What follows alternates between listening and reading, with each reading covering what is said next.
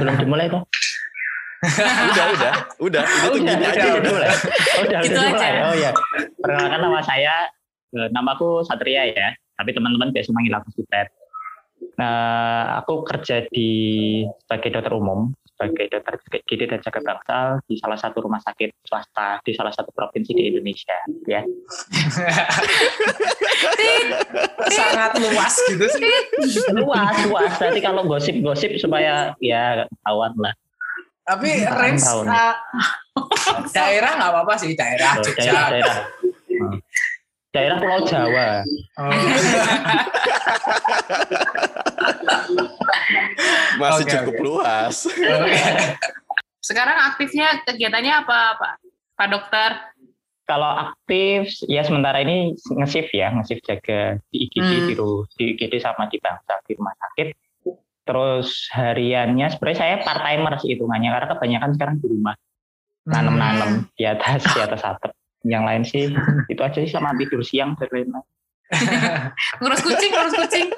Oh iya, ngurus kucing. Mainan kucing sebenarnya bukan gitu. Berarti eh, anu nggak boleh nggak kalau kamu juga di kita namanya kayak sebagai kayak or, seorang petani gitu nggak?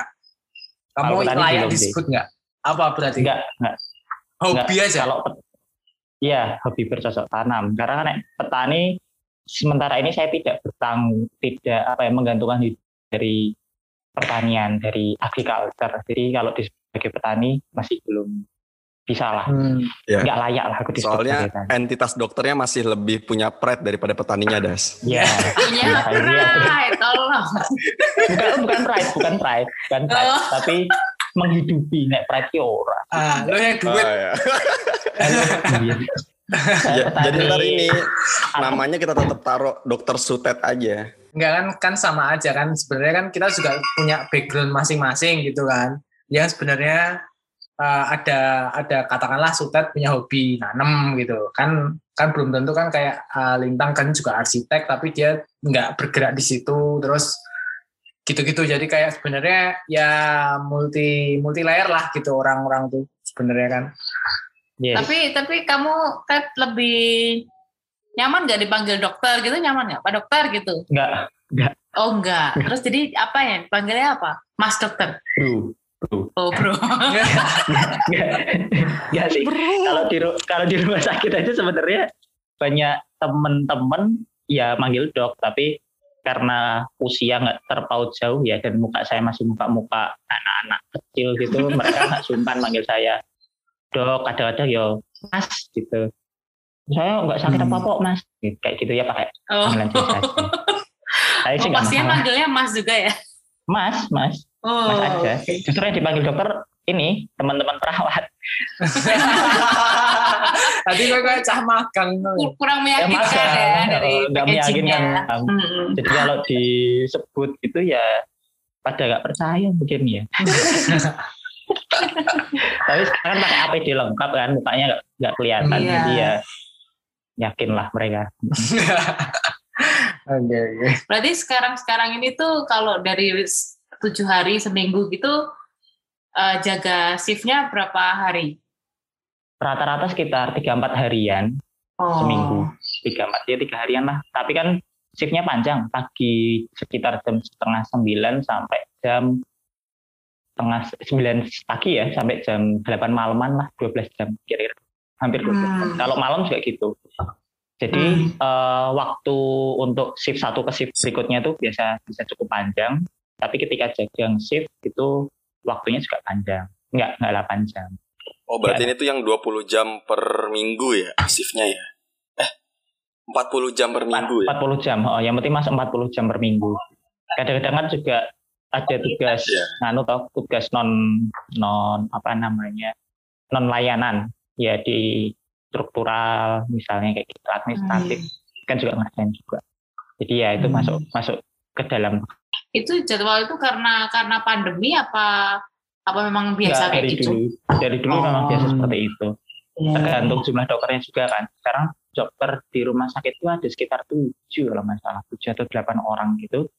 Dari 30 rata-rata 30 hari dibagi 8 orang yang sekitar itu. 3 4 Hmm. hari per minggu. Tapi sisanya karena dokter tetap kayak gitu ya pekerjaan administratif juga harus digarapkan. Nah, sebenarnya kan salah satu obrolan kita malam ini itu kan ngajakin Pak Dokter nih juga sekaligus merayakan Satu tahun. satu tahun satu tahun masuknya eh, COVID ke Indonesia. Kopet kita Jadi tercinta. kopat covid kopat covid ini ternyata udah setahun dari mungkin bolehlah ngobrolin flashback atau boleh malah ternyata ternyata hari ini covid udah nggak ada gitu ya bisa orang udah rame udah semua udah Alhamdulillah. alhamdulillah dari yang dulu kita awal-awal kalau keluar rumah pulang langsung mandi. Sekarang udah nggak langsung mandi. Langsung makan. Nggak berani ke mana-mana. Setiap jam 10 jam 11 pasti berjemur. Sekarang udah nggak berjemur. Nah itu. Nah itu. Makanya mungkin nanti ada Erika juga bisa ikut nimbrung kan sharing-sharing. Karena karena justru malah Ya. yang yang di sini tuh kayak Sutet sama Erika sama-sama di kalau di rumah sakit kan pintu pertama kan pintu pertama screening pertama di IGD gitu ini orang nggak jelas nih sakit apa datang demam nih apa nih demamnya karena Hmm. mungkin bisa sharing Belum singkat gajian? gitu lah belum gajian insentif belum turun ya Meriang pak. Meriang. Emang insentif terakhir bulan apa Ted yang turun Ted? Lalu kayaknya itu.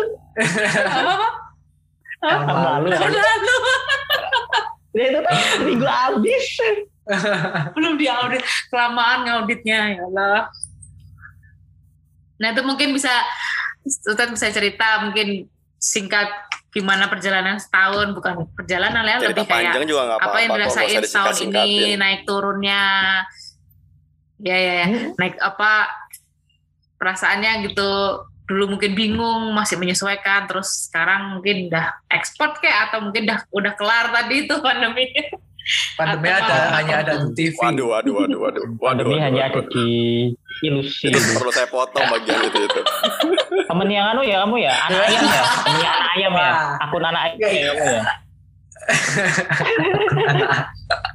Aku kan mau anak yang baru. Bang.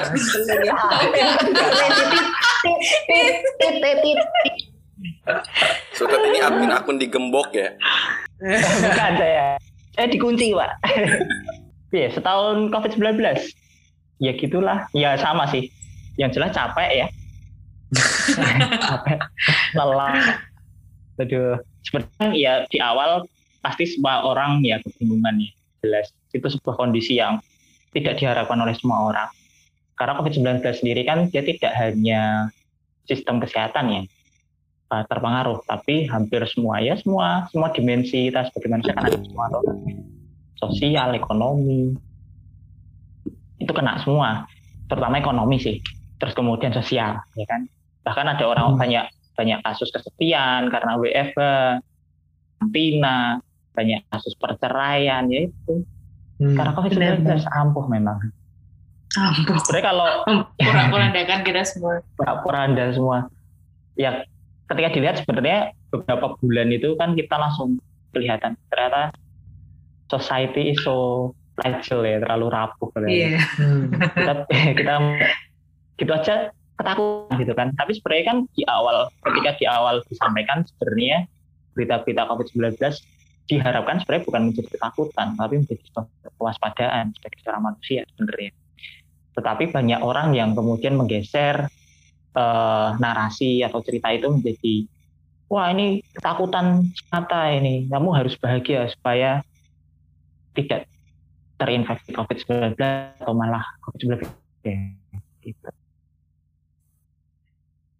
Kewaspadaan. Yang penting memang waspada. Hmm. kalau ngomong simbah zaman biar kan eleng lan waspodo eleng lan waspodo kan sebenarnya tidak hanya dalam satu kondisi aja. Banyak hal bisa diterapkan dalam istilah eleng lan waspodo berhati-hatilah berjaga-jagalah. Hmm. di banyak kitab suci juga mengatakan seperti itu. Nah itu nggak nggak jauh-jauh lah dari situ sebenarnya. Tetapi ketika pandemi disandingkan dengan ketakutan itu ya jadinya sekarang. Ya chaos chaotic dan dari sisi dari sudut pandang ketakutan ya banyak orang yang bisa memanfaatkan rasa takut ketakutan ketakutan itu. Banyak oportunis di situ kan? Masker lah APD lah seperti itu. Stok-stok plastik Iya. semuanya kan bisa tetap di, disimpan dijual ulang. Politis juga politis. Seperti itulah. Eh, sebenarnya sebelum pandemi ini pun aku dalam hati sebenarnya juga sudah siap-siap bersiap-siap. Karena dari dulu aku udah memang tertarik dengan hal-hal yang biologi ya. Biologis biologi ya. Ada dokumenter tentang flu Spanyol. Itu dulu aku udah pernah nonton. Kalau nggak salah SMP atau SMA itu udah pernah nonton bahwa suatu ketika Indonesia ini Indonesia dunia ini akan menemukan pandemi berikutnya setelah, setelah flu Spanyol atau setelah uh, pes lab di apa Black Death ya sorry Black Death Black, Black Death, Death. kasus Black Death di Eropa atau wabah pes di Indonesia dulu sempat terjadi suatu ketika kita akan menemukan wabah baru yang lebih parah daripada kondisi itu pada waktu itu udah ada udah ada uh, semacam analis singkat karena ada pergerakan ada mobilisasi manusia yang tinggi terus kemudian Hmm. ada pertukaran eh, bahan pangan dari luar ke dalam dan lain-lain. Proses-proses itu akan meningkatkan proses pandemi yang lebih cepat dan lebih ganas sebenarnya dari situ. Itu aku udah udah mulai tahu dari situ. Terus kemudian ada buku semacam novelnya si penulis apa namanya? Di kamus Albert Camus dulu pernah nulis lapes kan? Wabah. Nah itu juga terkait dengan wabah. Kalau nggak salah pes eh, demam bubosa demam bubosa apa ya? Kayaknya ya itulah. Pas wabah di tempatnya dia tinggal dia nulis novel. Sekalipun itu menjadi analogi perang tetapi dia menuliskan dengan sangat baik bagaimana manusia ketika dihadapkan terhadap sebuah kondisi yang memunculkan ketakutan akan banyak eh, respon di situ. Ada yang satu Hmm. respon altruistik kan. Respon altruistik ini patut dihargai. Ya kayak yang dilakukan oleh Abu Yuda sa- sama Lintang sama bapak ibunya sama teman-teman di luar gerakan-gerakan sipil itu kan gerakan-gerakan altruistik yang sangat manusiawi kan. Bikin dapur umum bikin jahitan APD terus bagi-bagi APD itu kan sesuatu yang eh, respon manusiawi kalau bisa dibilang cukup tertinggi lah di situ si kamus juga menyebutkan itu. Terus kemudian ada juga yang menjadi masa bodoh ada juga yang menjadi tokoh oportunistik mengambil bantuan bansos ya kan atau misal celah-celah celah-celah yang bisa menguntungkan pribadi-pribadi nah di situ mereka dia sudah menyebutkan di situ dan aku menjadi tidak kaget ketika Hmm. korupsi, ketika ada kasus apa namanya rebutan logistik, ketika sudah banyak orang yang nimbun APD itu aku sudah mulai nggak kaget. Cuman ya emosi aja. Jadi awal-awal pandemi itu lebih ke arah bukan arah takut, arah emosi sebenarnya. Hmm. Arah emosi. Ternyata memang kita memang seperti itu. Banyak orang ya, banyak orang dan mungkin aku juga masih bisa jadi sebusuk itu gitu loh. Satu hal itu, tetapi banyak orang yang ternyata eh, menggunakan kesempatan itu membantu orang lain. Nah ini yang eh, aku secara pribadi mensyukuri itu, bersyukur bahwa wah ternyata masih ya kita nggak buruk-buruk amat lah kayak gitu. ini loh, ini loh, ini loh buktinya mas eh, society itu masih bisa diselamatkan. Aku sih mikirnya gitu. Padahal Bagaimana kira pandemi tuh bakal itu diwawancara sama TV nasional loh dari gerakan nyalakan Ah, lilin itu loh. Eh nyalakan apa namanya? Nyalakan cahaya ya. Nyalakan lilin Nyalakan lilin. Ngepet dong nyalain Gue lilin. pikir itu akan, gue pikir itu kan udah booming banget ya. Entah ternyata circle gue yang terlalu kecil Iya. apa memang nasional tidak peduli gitu sama orang-orang yang kayak Ya gitu. itu itu rasanya Kayaknya itu sih. Tuh, yang kedua tidak menarik media. Bukan Padahal media gua udah darling ya. udah ancer-ancer nih. Wah lintang masuk TV nih. Ternyata enggak. Kurang ngangkat karena karena kayaknya kayaknya waktu itu emang masih pengen di drive untuk ke takut gitu loh.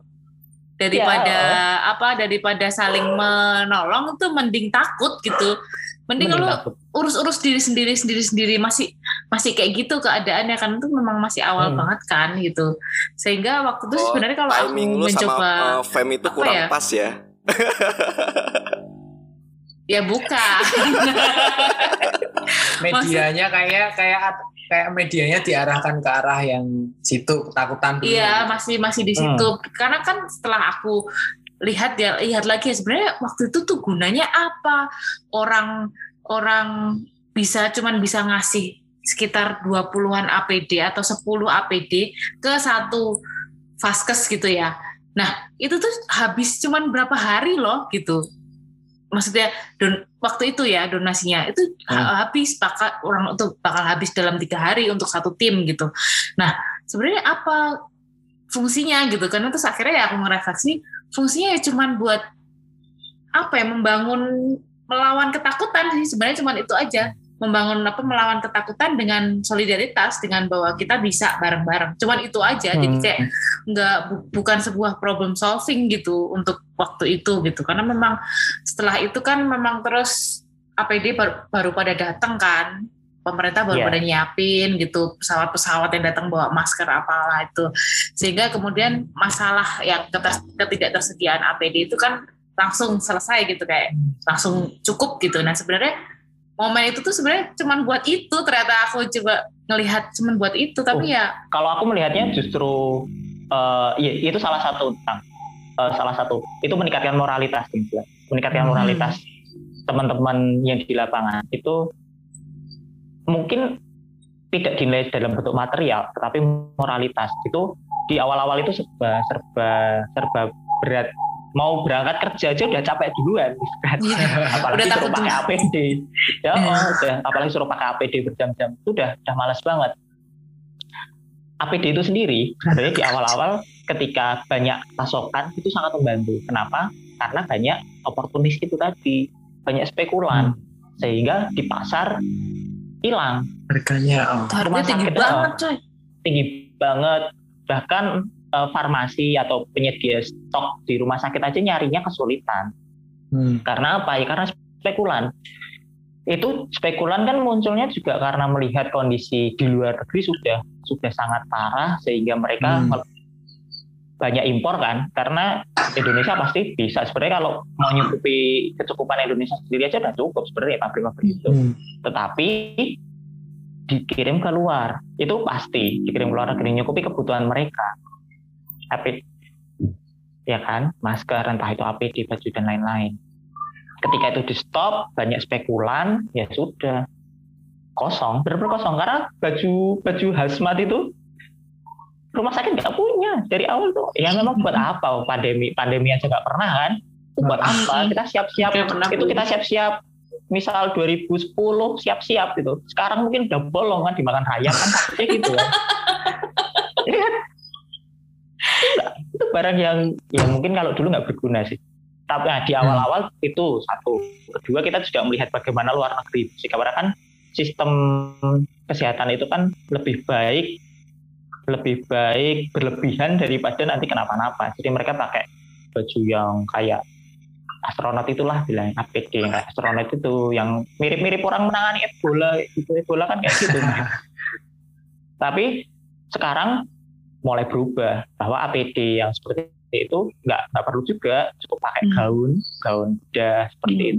itu cukup pakai sarung tangan kalau memang curiga kalau misal ada tindakan yang menyebabkan aerosol atau cipratan di udara baru pakai tuh baru pakai yang level 3 istilahnya seperti itu Hmm. tapi kalau perawatan-perawatan biasa kita sekarang udah pakai baju biasa.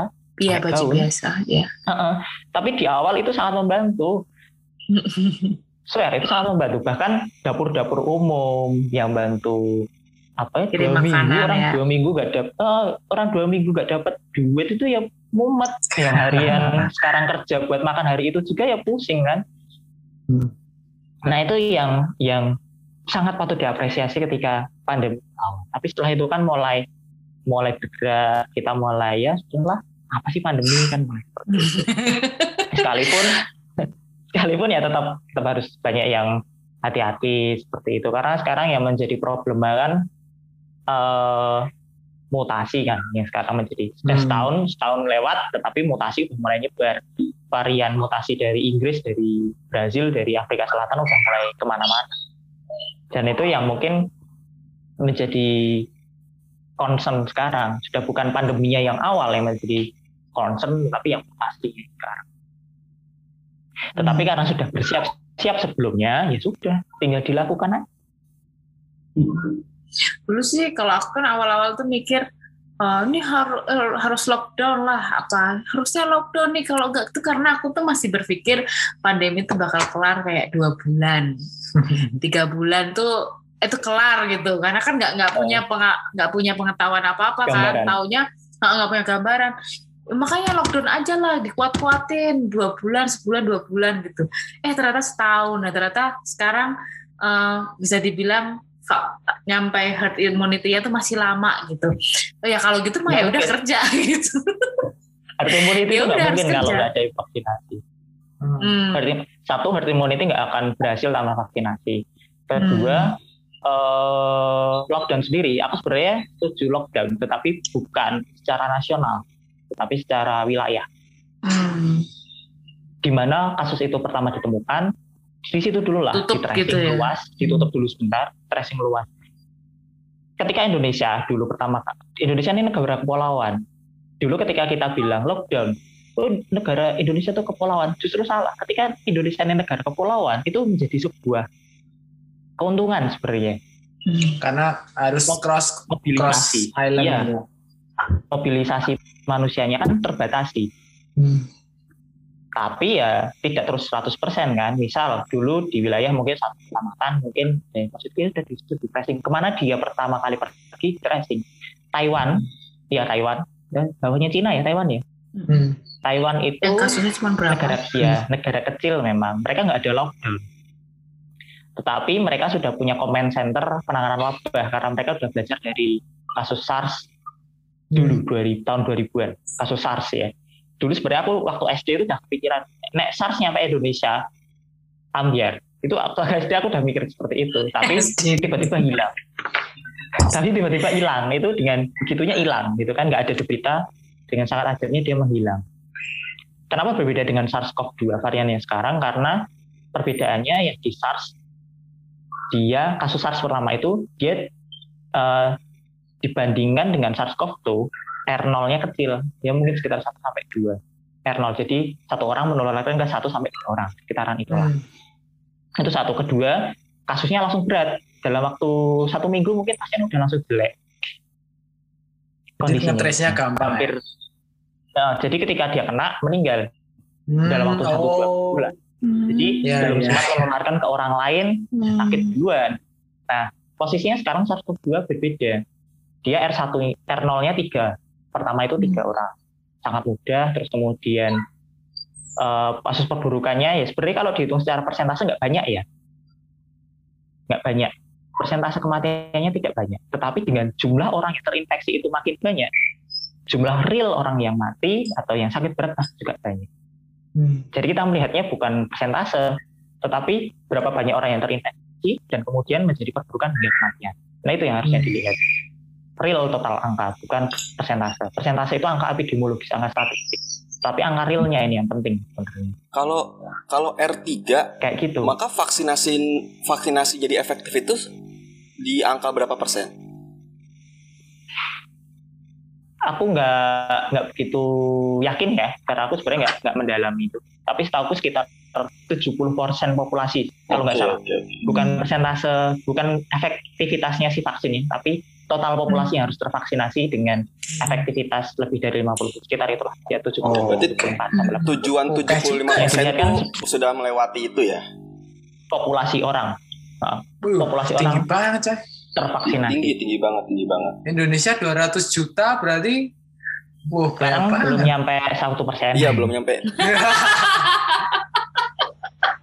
Orang-orang yang privilege. Aku wis sih. Sabar, harusnya itu. tahun. Puluh. Enggak, karena kan Tapi itu bener nggak sih itu Jadi- logika hitungan 7 sampai 10 tahun itu? Eh, mungkin kalau aku sih bilang ya, kalau dibilang masuk akal, bisa jadi masuk akal. Kenapa? Karena satu dengan laju infeksi yang cepat. Dengan laju infeksi yang cepat itu juga dengan laju infeksi yang cepat berarti eh, sama dengan ya, sama dengan laju mutasi yang banyak. itu sudah menjadi semacam uh, teori ya, teori bagaimana virus bekerja, terutama virus yang berbasis uh, materi genetiknya RNA. Karena materi genetis R, yang RNA itu sangat mudah bermutasi.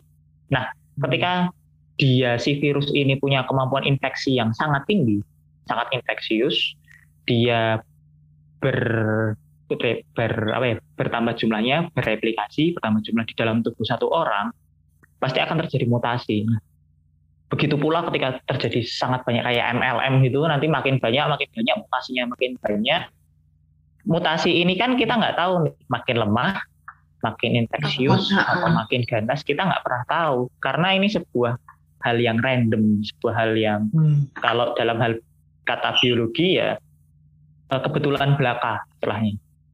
Mau itu mau lebih infeksius atau mau lebih parah ya itu kebetulan belaka. Karena mutasi itu tidak memilih. Dia terjadi secara random. Hmm. cuman yang sekarang yang menjadi concern yang menjadi uh, catatan utama yang menjadi catatan utama itu yang dari Inggris karena dia lebih infeksius. Dan ada ada yang pernah kalau nggak salah ada yang pernah bilang meningkatkan laju kematian juga. Berapa, hmm. berapa persen lagi. Yang varian dari Brazil itu bisa menginfeksi ulang. Pasien yang sudah pernah terinfeksi COVID-19, dia bisa terinfeksi di Manaus, Brazil. Yang di Afrika Selatan, eh, sama yang di Brazil itu ada satu mutasi, sama di beberapa varian eh, virus yang dari Inggris itu, dia punya kemampuan menghindari, sebenarnya bukan menghindari sih, tidak dikenali oleh antibodi yang sudah terbentuk di dalam darah kita. Misal dia pernah terinfeksi nih hmm. COVID-19, terinfeksi ulang, atau sudah tervaksinasi tetapi masih terinfeksi COVID-19 karena si virus ini tidak dibaca oleh antibodi, tidak dikenali, hmm. jadi tidak bisa dinetralisir. Nah itu, itu yang baru, nah itu yang menjadi concern artinya, sekarang. Artinya babak vaksinasi ini bukan babak akhir ya karena gue tuh selalu berpikir ketika dulu nih di di tahun 2020 gue selalu meyakini bahwa vaksinasi adalah pintu pada babak akhir dari pandemi ini gitu. Dengan penjelasan seperti ini berarti kita masih belum di babak akhir ya. Gue pikir ini udah tinggal vaksin aja vaksin vaksin. Nah, ya, aku mikirnya juga gitu. Mikirnya juga gitu. Tapi uh, dari prinsip kesehatan masyarakat sebenarnya kan pola penanganan pandemi itu kan kayak kalau digambarkan mereka itu gambarnya kayak uh, potongan keju. Padahal Indonesia kira no keju, tapi kayak potongan keju bolong-bolong apa ya? Kain perca bolong-bolong itu loh. Ah. Jadi mereka dijajarkan. Nah, pertama kali adalah yang harus dilakukan adalah jarak penggunaan masker yang tepat, pencegahan apa namanya aktivitas sosial, pembatasan ya, pembatasan aktivitas sosial, lockdown dan lain-lain itu ada lapisan-lapisannya. Vaksin yang terakhir tidak ada 100% cara yang ampuh, nggak ada, nggak ada 101 hmm. cara yang 100% ampuh nggak ada. Hmm. Semuanya harus dilakukan secara hmm. berbarengan. Semuanya Jadi sekalipun sekarang sudah divaksin, sekalipun sekarang sudah divaksin masih tetap harus menjalankan yang sebelumnya sudah dilakukan, tidak boleh lepas ini menjadi menjadi cara harus berlapis-lapis supaya lebih cepat berakhir lah. Nah, kenapa flu Spanyol dulu selesai katanya sekitar 1 sampai 2 tahun kalau salah flu Spanyol selesai. Ya, aku nggak tahu kenapa. Ajaib sih, hmm. tiba-tiba hilang gitu aja kan. Mujizat. Ya, mungkin waktu itu ya satu karena perang kan. Orang nggak peduli. Perang itu kan pas zamannya perang dunia pertama. Indonesia masih dijajah, masih kolonialisme di Indonesia. Terus mobilitas orang juga kurang tinggi, nggak tinggi, nggak tinggi, ya, tidak tinggi terlalu tinggi ya. Masih sudah ada pesawat terbang tapi tidak semasif sekarang. Kebanyakan menggunakan kapal atau kendaraan darat, tidak semasif sekarang sekarang menjadi kesulitan karena mobilitas manusia itu sungguh sangat banyak masif sekali. Iya karena kan di kita yang, sekarang stigmanya itu kalau udah kena punya imun temporer, kemudian kalau udah divaksin juga punya imun juga, maksudnya itu kan men-trigger kembali hmm. kan pola hidup sebelumnya gitu. Maksudnya hmm. nah, kena, kena, kena, kenapa uh, kenapa tidak dilakukan kenapa tidak dilakukan terus upaya penyuluhan itu gitu. Melakukan itu secara paralel. Maksudnya vaksin tuh bukan babak akhir loh gitu. Karena gue gue awalnya berpikir vaksin itu babak akhir gitu. Kalau kayak gini kan artinya kita harus terus kayak gini gitu. Kalau terus kayak gininya ketika nah, sebenarnya kan kita sebenarnya ke, kejar-kejaran. Aku sempat beberapa kali sih ya ya penggunaan media sosial sih penggunaan media sosial pernah beberapa kali bilang bahwa vaksin itu bukan bukan akhir kita tetap harus menggunakan cara yang sebelum-sebelumnya tetap harus dilakukan vaksin itu pun karena harus kejar-kejaran sebelum mutasi hmm. menyebabkan yeah. efikasi vaksin menjadi menurun. sangat menurun dan tidak berfaedah sama sekali. Hmm. Kejar-kejaran. Kita memang kejar-kejaran. Hmm. Nah posisi sekarang produktivitas vaksin nggak banyak, nggak bisa banyak. Setiap negara butuh rebut-rebutan karena ketika warganya sudah divaksin semua, ekonomi bisa jalan. Pola pikirnya sekarang seperti itu karena sudah kebacut, sudah kebacut remuk redam.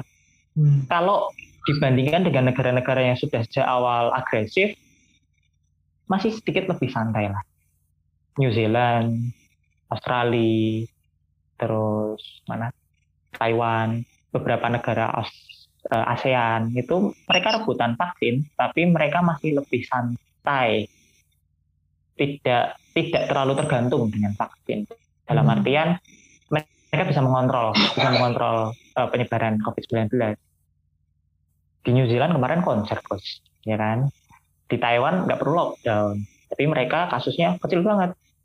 Brunei, terus di Singapura, hmm, Vietnam, ya kan? Sekarang yang kudeta mana Myanmar ya? Myanmar. Myanmar. Lah. Australia, mereka kan kalau Australia malah lockdown berbulan-bulan, mereka tahan lockdown sampai akhirnya mau lockdown aja pada, pada demo, tapi kasusnya sudah sangat kecil. Nah, di beberapa negara yang sudah remuk redam, vaksin menjadi harapan, tapi kalau aku sih nggak bisa dijadikan harapan satu. Iya, jadi semu kan harapannya hmm. itu. Iya. Ya sebenarnya ya, tetap harus dijalankan satu dua. Hmm, sedih tapi ya ya sudah. Ya mau gimana, gimana lagi, ya gimana lagi kan? Rezeki kita hidup di sini ya kan? Mm -hmm. iya. Artinya jadi, memang ekspektasi tujuh tahun itu sangat masuk akal ya. Ya apa yang disampaikan itu kalau aku secara pribadi secara pribadi masuk akal sekalipun terus kemudian di tentang ditentang ya sama lingkar satu lingkar dua ya.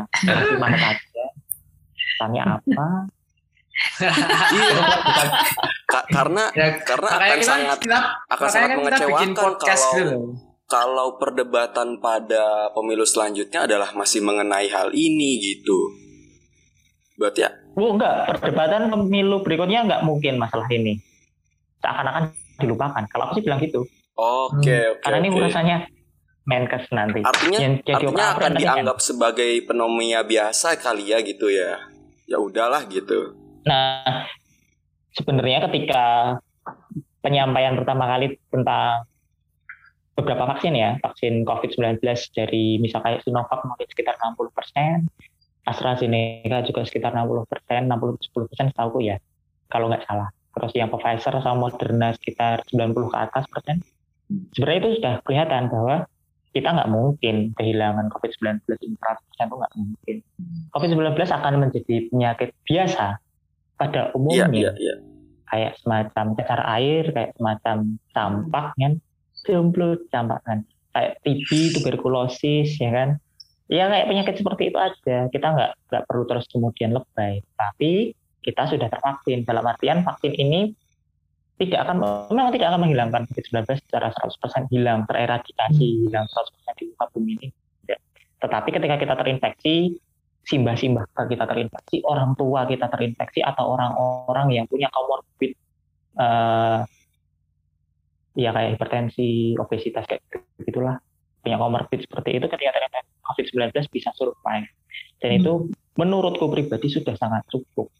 Hmm. Sudah sangat, well lah, lumayan lah. Maksudku kita masih bisa berjuang dengan kehidupan kita yang yang seperti ini. Maksudnya, tidak ideal dengan ini. ekonomi yang seperti eh, yang tidak ideal ini.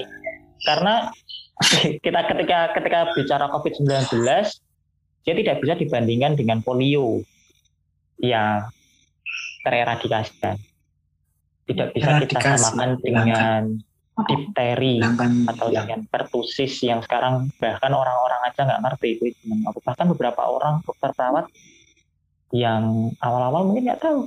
Difteri itu penyakit apa. Bahkan lihat bentuknya aja nggak pernah lihat, nggak tahu. Difteri itu penyakit apa. Itu cuma ada di buku, textbook. Atau pertusis atau misal ya campak mungkin masih ada ya, tapi hanya anak-anak. Orang dewasa yang kena campak udah sangat jarang. Iya, iya, iya, iya. Cacar air yang sampai Kecuali kalau dunia, anti vaksin jadi gerakan yang bebas lagi ya. anti vaksin tetap pasti ada lah. Karena back- background anti vaksin kan banyak. Ada yang dengan titel profesi ada yang dengan titel agama. Itu pasti akan banyak. Anti vaksin tetap akan ada lah. Terutama dengan kemunculan media sosial mesti tetap akan ada. Karena anti vaksin itu hampir sama kayak konspirasi lain dia bagian dari Hmm. post truth lah Iya, iya. anti anti sains Post-truth. ada Jadi Anda itu dokter Itu atau sih. apa ini? Pak? apa apa saya saya Omongan penjelasannya tuh penjelasannya tuh bikin aku speechless gitu loh kayak aku dia bilang, hmm. saya saya ini nggak ngerti loh ngomong-ngomong loh Jadi Anda itu dokter atau atau eh, kesuruhan ini, kesuruhan ini intel. aku penggiring Saya, opini oh, kayak- jangan-jangan kamu anu kamu influencer anu yang dibayar pemerintah Buzzer ya, buzzer. pelan gitu ya Heeh, buzzer tapi yang yang yang nggak emang dibikin nggak nggak apa Nggak namanya kelihatan. kelihatan banget Iya. heeh. mungkin sih buzzer mahal sekarang saya mahal. Yang 5 m itu kurang saya ini Briefingnya Eh, pokoknya bikin kan orang nggak bisa usah panik gitu. cuma 40 jam loh. iya betul nggak usah panik ya memang intinya itu nggak usah panik nggak usah ya nggak bukan takut intinya bukan takut tapi waspada. Dalam artian pakai masker ya pakai masker nggak usah lebay lapis tiga ya kan? Terus apa ya? Mati mergo sesek. Eh, bener. Mau belanja belanja aja gitu. Itu sih. Tapi cuman ya eh, sekalipun kalau Kak, kayak kalau mau dari dibilang waspada aku ya tetap di rumah sih. Karena aku Hmm. tipikalnya memang anak rumahan jadi dan udah punya istri jadi saya nggak mungkin kesepian. Jadi santai saya Well, Untungnya Gira sudah habis nikah. Untungnya Gira sudah habis nikah. awal awal awal awal awal podcast soalnya masih dibully ya oke gue masih dibully ya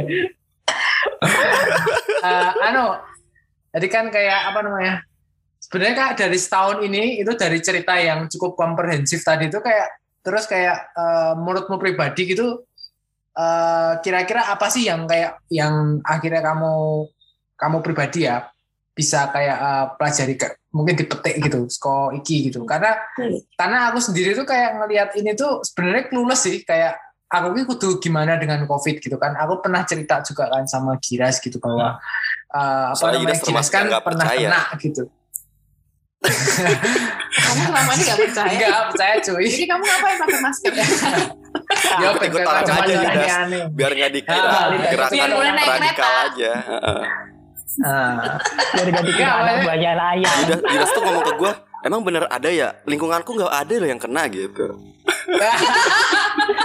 Iya, jadi kayak apa namanya? eh, kan eh, ya itu tadi ya kan pernah pernah ya itu cerita kayak sama Giras gitu kan. Kalau di ibu kota tuh kan kayaknya memang cukup cukup anu ya, cukup nyata gitu loh. Ibaratnya eh, banyak kiri kanan yang kena gitu. Kemudian kayak eh, dan bahkan Giras sendiri tuh kena gitu. Eh, terus kemudian orang tuanya kena dan banyak teman-temanku yang di kayak di grup gitu tuh, tuh yang kena tuh kebanyakan ya di di sana di Jakarta gitu ketika di kayak di Jogja gitu tuh eh, ada yang kena cuma kayak kayak jarang sekali gitu masih kayak ring kedua ketiga belum ada yang kayak Ya. temen deket kena gitu jadi kayak eh piye ya, Yudas masih eh, merasa itu tuh kayak di covid kan doang deh gitu. Enggak, enggak, enggak itu sih arahnya, cuy. Jadi kayak jadi kayak eh, apa ya? eh, aku sendiri tuh kayak enggak yang di sini ya dengan pola hidup yang kayak gini yang aku di desa itu sebenarnya hidup hidupku di desa dengan eh, enggak terlalu banyak bersentuhan dengan orang, kemudian banyak Naik kereta. Iya, dan kemudian kayak kita apa namanya ketemu klien juga bisa online gitu itu tuh nggak terlalu terimpact banyak gitu loh. Apakah mungkin itu bisa menjadi kayak eh, mungkin untuk me, untuk jadi kayak tujuh, tujuh tahun ke depan sebelum habis atau terjadi penyakit biasa itu menjadi kayak lifestyle yang bisa digalakkan gitu. Aku nggak tahu cara-cara seperti itu gitu. Kan eh, karena aku nggak terlalu yang gimana? Aku nggak terlalu ketakutan secara pribadi. Kemudian kayak aku nggak terlalu eh, kayak apa ya? eh, nggak yang kayak terdampak kemudian nggak ada kerjaan atau gimana nggak juga gitu. Jadi mungkin kayak apakah ide bahwa hidup di desa kemudian dengan eh, jarang memang jarang ketemu orang secara fisik itu tuh menjadi bisa menjadi kayak eh, lifestyle yang alternatif gitu agar ke depan itu menjadi selain eh, menjadi kayak eh, menjadi kayak vaksin tapi yang vaksin sosial gitu istilahnya. Aku nggak Iya. tahu sih kayak apakah ide itu masuk apa gimana aku nggak tahu juga. Kalau menurutku masuk sih sebenarnya. Kan eh, kalau aku melihat, aku ini pandangan pribadiku ya. Hmm. Kita itu terlalu banyak bertemu, tetapi pertemuannya itu tidak mendalam. Bahkan Hmm. yang serumah, bahkan yang serumah. Hmm. Jadi eh, ketika pandemi datang, kemudian ada karantina, yang sendiri menjadi terisolasi, merasa terisolasi, terutama anak muda, kesepian dan Hmm. lain-lain. Kasus kesepian kan banyak nih di anak-anak muda, terus Hmm. di orang tua itu mereka menjadi kesepian karena ter- terisolasi, terisolir. Hmm. Yang menikah setelah di rumah banyak masalah, ya kan? banyak Kayak ketemu terus. perceraian. Iya ketemu terus emosi kan. lu lagi lu lagi, lu gak bisa kerja sih. emosi. Iya kan? Lu lagi lu lagi, bangun apa Hmm. gitu kan? Hmm. Atau gara-gara pendapatan yang kurang dan lain-lain. Nah itu kan berdampak juga. Hmm. sebenarnya ketika kehidupan di desa bisa dibilang kasus penularan juga bisa dibilang jarang ketika mereka kontrol sosialnya baik. Hmm. Di tempat aku kerja itu sebenarnya hitungannya masih hitungan pedesaan ya, ya berada di pulau salah satu pulau di Indonesia ya Jawa. Jawa. Itu desa itu. Hmm. Tempatku hidup secara sehari-hari suburban lah, tepian kota, tepian kota, Hmm. tepian desa. Masih 11-12, nggak terlalu ramai, tapi ya ramai. Secara sosial ya masih bisa diatur. Tapi ya hidup desa yang sebenarnya ketika kita lihat, orang desa tuh nggak bisa loh ketemu tanpa tanpa jagung, tanpa ono layat, misal, atau misal tanpa yang lain. Sekalipun, sekalipun desa itu kan didukung oleh daya dukungnya kan kehidupan komunalnya seperti itu ya. Tetapi Hmm. mereka sangat bisa loh ternyata loh. Mereka justru orang yang paling patuh dalam menghadapi pandemi. Ya. Mereka sangat re- eh, sangat kuat, sangat resilient. Bahkan ketika mereka yang harusnya ada pertemuan, mereka nggak bikin pertemuan. Hmm. Pekerjaan-pekerjaan yang harus keluar apa desa misal yang yang yang bukan pekerjaan utamanya petani ya. Mereka ya bisa bisa mengatur diri keluar eh, pakai masker dan lain-lain. Entah di luarnya bagaimana, sekalipun tetap ada yang terinfeksi ya orang-orang sepuh di sana, tapi kebanyakan eh manut kalau aku bilang loh ya dibandingkan Hmm. dengan orang-orang yang hidup di desa eh di, di kota orang-orang pedesaan Hmm. lebih resilient dalam menghadapi pandemi ini secara ekonomi le- mereka lebih tertempa ya. Untuk satu hari untuk makan itu mereka lebih tertempa sumber daya mereka juga lebih banyak mereka ada tanaman di rumah ada mungkin hewan peliharaan dan lain-lain ada tetangga yang siap membantu Ya, ya. di, tem- di tempatku bekerja itu aku kan ngobrol ya sama driver tempatku bekerja gitu Hmm. Ya mereka di, di, di dusunnya itu ketika ada yang suspek ya ini masih suspek belum ter, belum belum pasti terinfeksi suspek COVID-19 yang butuh isolasi di rumah isolasi mandiri disediakan makanan oleh satu tangganya dikirimi makan ditanyai dikontrol bahkan sama Hmm. tetangganya sendiri Ya, itu ya. sesuatu yang bagiku pribadi mengembirakan Hmm. di kota ya ada yang seperti itu tapi menurut tapi kok aku melihat eh, tidak seoke di Jarang ya. desa. Iya. Ya sekalipun di desa di awal-awal mungkin ada sedikit diskriminasi ya kayak covid kayak judi tapi dengan penyampaian yang berkali-kali covid itu tidak akan menyeberang mengetuk pintu dari satu rumah ke rumah lain tidak akan melompat sejauh 3 meter gitu. Mereka ya oke oke saja. Bahkan banyak sekarang. Lo aku tindak tindak temu di kung kalau bekerja di mana? Tani di sawah. Buat lagi masker ya yoga mungkin kan ke sawah. Iya. Karena orang macul satu sama lain itu kan satu peta dengan peta yang lain. So, mereka bekerja sangat bebas resiko. Hmm. ya mungkin yang perlu dikurangi misal ya sekalipun ngeyel-ngeyelnya sekarang sudah mulai ada yang pernikahan jagung Hmm. itu sudah mulai ada sekarang. Tetapi se- di masa-masa 2020 2020 itu mereka sangat patuh Hmm. kalau aku Ya. lihat Hmm. Jadi kayak aku melihat tuh kayak apa ya? Jadi kan ada yang kayak apa namanya penyembuhan tuh yang secara medis gitu. Jadi kayak Hmm. dengan ide bahwa divaksin, kemudian memakai masker gitu, kemudian jaga memakai jarak Hmm. eh, jaga jarak dan lain-lain itu kan tindakan medis gitu. Nah sebenarnya kan ada juga hal lain penyembuhan yang lain gitu, vaksinasi yang lain dari dari sudut pandang sosial gitu loh tentang Hmm. cara cara yang kayak cara hidup gitu, cara hidup yang kayak way kamu bilang Iya, way of life kayak yang kamu bilang ketika yang paling yang kamu yakini cukup paling berperan itu adalah di puskesmas gitu loh, yang dari sistem Hmm. terkecilnya gitu loh. Nah begitu juga dengan COVID gitu, mungkin mungkin ya kayak akhirnya ya mungkin akan berjalan bebarengan ya antara yang medis dan yang sosial gitu. Karena terbukti dengan yang medis pun, yaitu di Jakarta, kan Jakarta kan udah sangat eh, apa ya secara medis tuh mereka udah advance gitu. Pan- semua orang sudah memakai masker dengan minimal masker bedah gitu. Kemudian eh, obat-obatan banyak tersedia gitu. Terus ternyata kemudian masih banyak gitu yang terinfeksi di antara mereka gitu. Ternyata ayo hal yang mempengaruhi kayak apa ya tingkat ke apa tingkat ke infeksiusan itu juga itu juga sosial gitu. Bagaimana kita Iya. hidup bersama gitu. Jadi menurutku kayak uh, mungkin uh, apa ya? Ya itu kan tujuh tahun itu kan span yang sangat panjang gitu. Jauh panjang. Kalau kita cuma kayak akhirnya kemudian uh, uh, jaga vaksin kemudian bikin uh, masker gitu kemudian kita membatasi itu kan kayak apabila ide membatasi itu kan uh, ternyata anu ya bagi diri kita itu kan mengkungkung lah. Kalau kita hidup dengan cara yang berbeda gitu, katakanlah orang desa itu nggak nggak nggak nggak nggak nggak terkesan dibatasi loh gitu.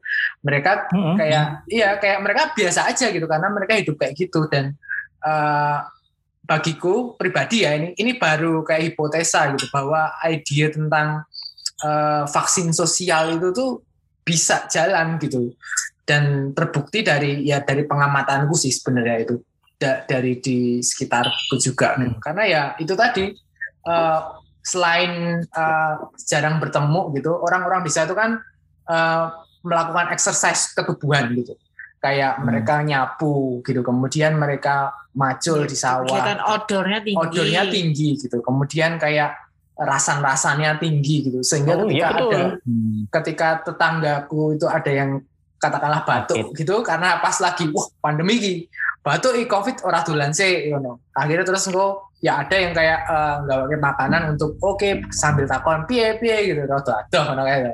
jadi kayak Hmm. eh, itu tuh kayak eh, apa ya jadi barrier sos eh, bukan barrier sih aku bilangnya kayak apa ya ya kayak vaksin sosial tadi gitu bahwa ide tentang mereduksi eh, pandemi ini tuh bukan hanya di eh, solusinya itu tidak bukan hanya satu-satunya di medis gitu loh tapi di sosial juga gitu. Begitu juga di ini aku melihat karena aku mengamini ya semua hal itu memang harus dalam dilihat dalam dua kacamata itu gitu.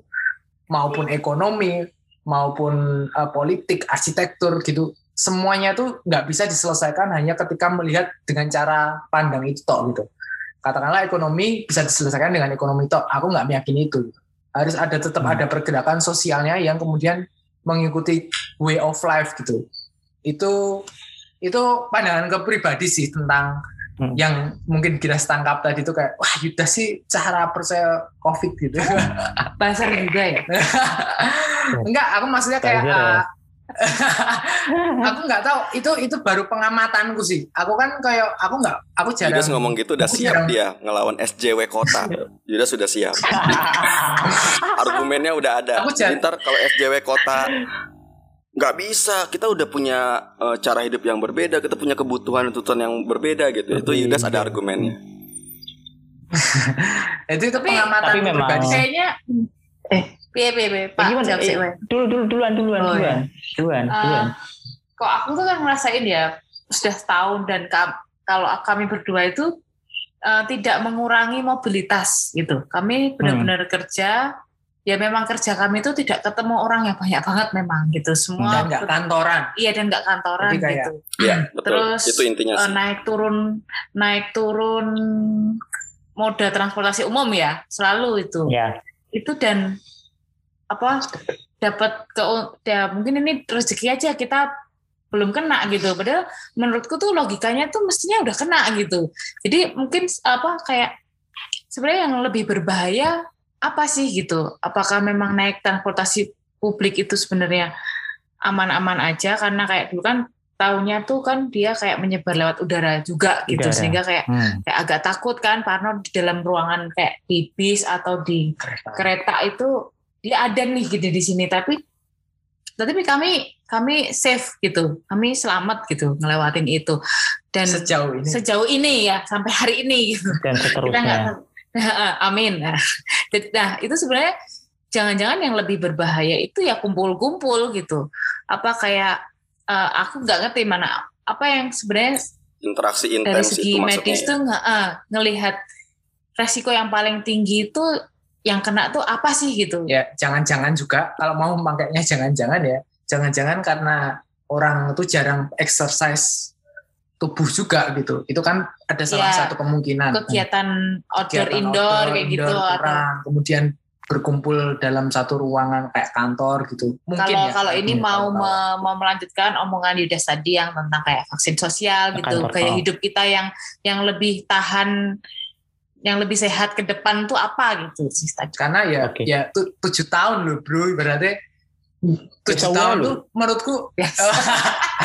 tujuh tahun tuh menurutku ya pribadi ya itu nggak bisa diselesaikan hanya dengan cara gitu memang harus dengan way of life Perubahan. menurutku Eh, kalau perubahan gaya hidup sebenarnya sudah di dilakukan sejak awal sih. Kalau aku melihat banyak orang yang mulai seperti tidak yang serta merta langsung berubah 180 derajat mungkin dari pola hidupnya yang sebelumnya dari yang awalnya mager jadi beli sepeda suka sepeda berolahraga. Yang awalnya tidak peduli dengan makanan jadi diet diet yang betul ya dengan diet yang benar. Ada ya satu dan lain hal lain hal sih.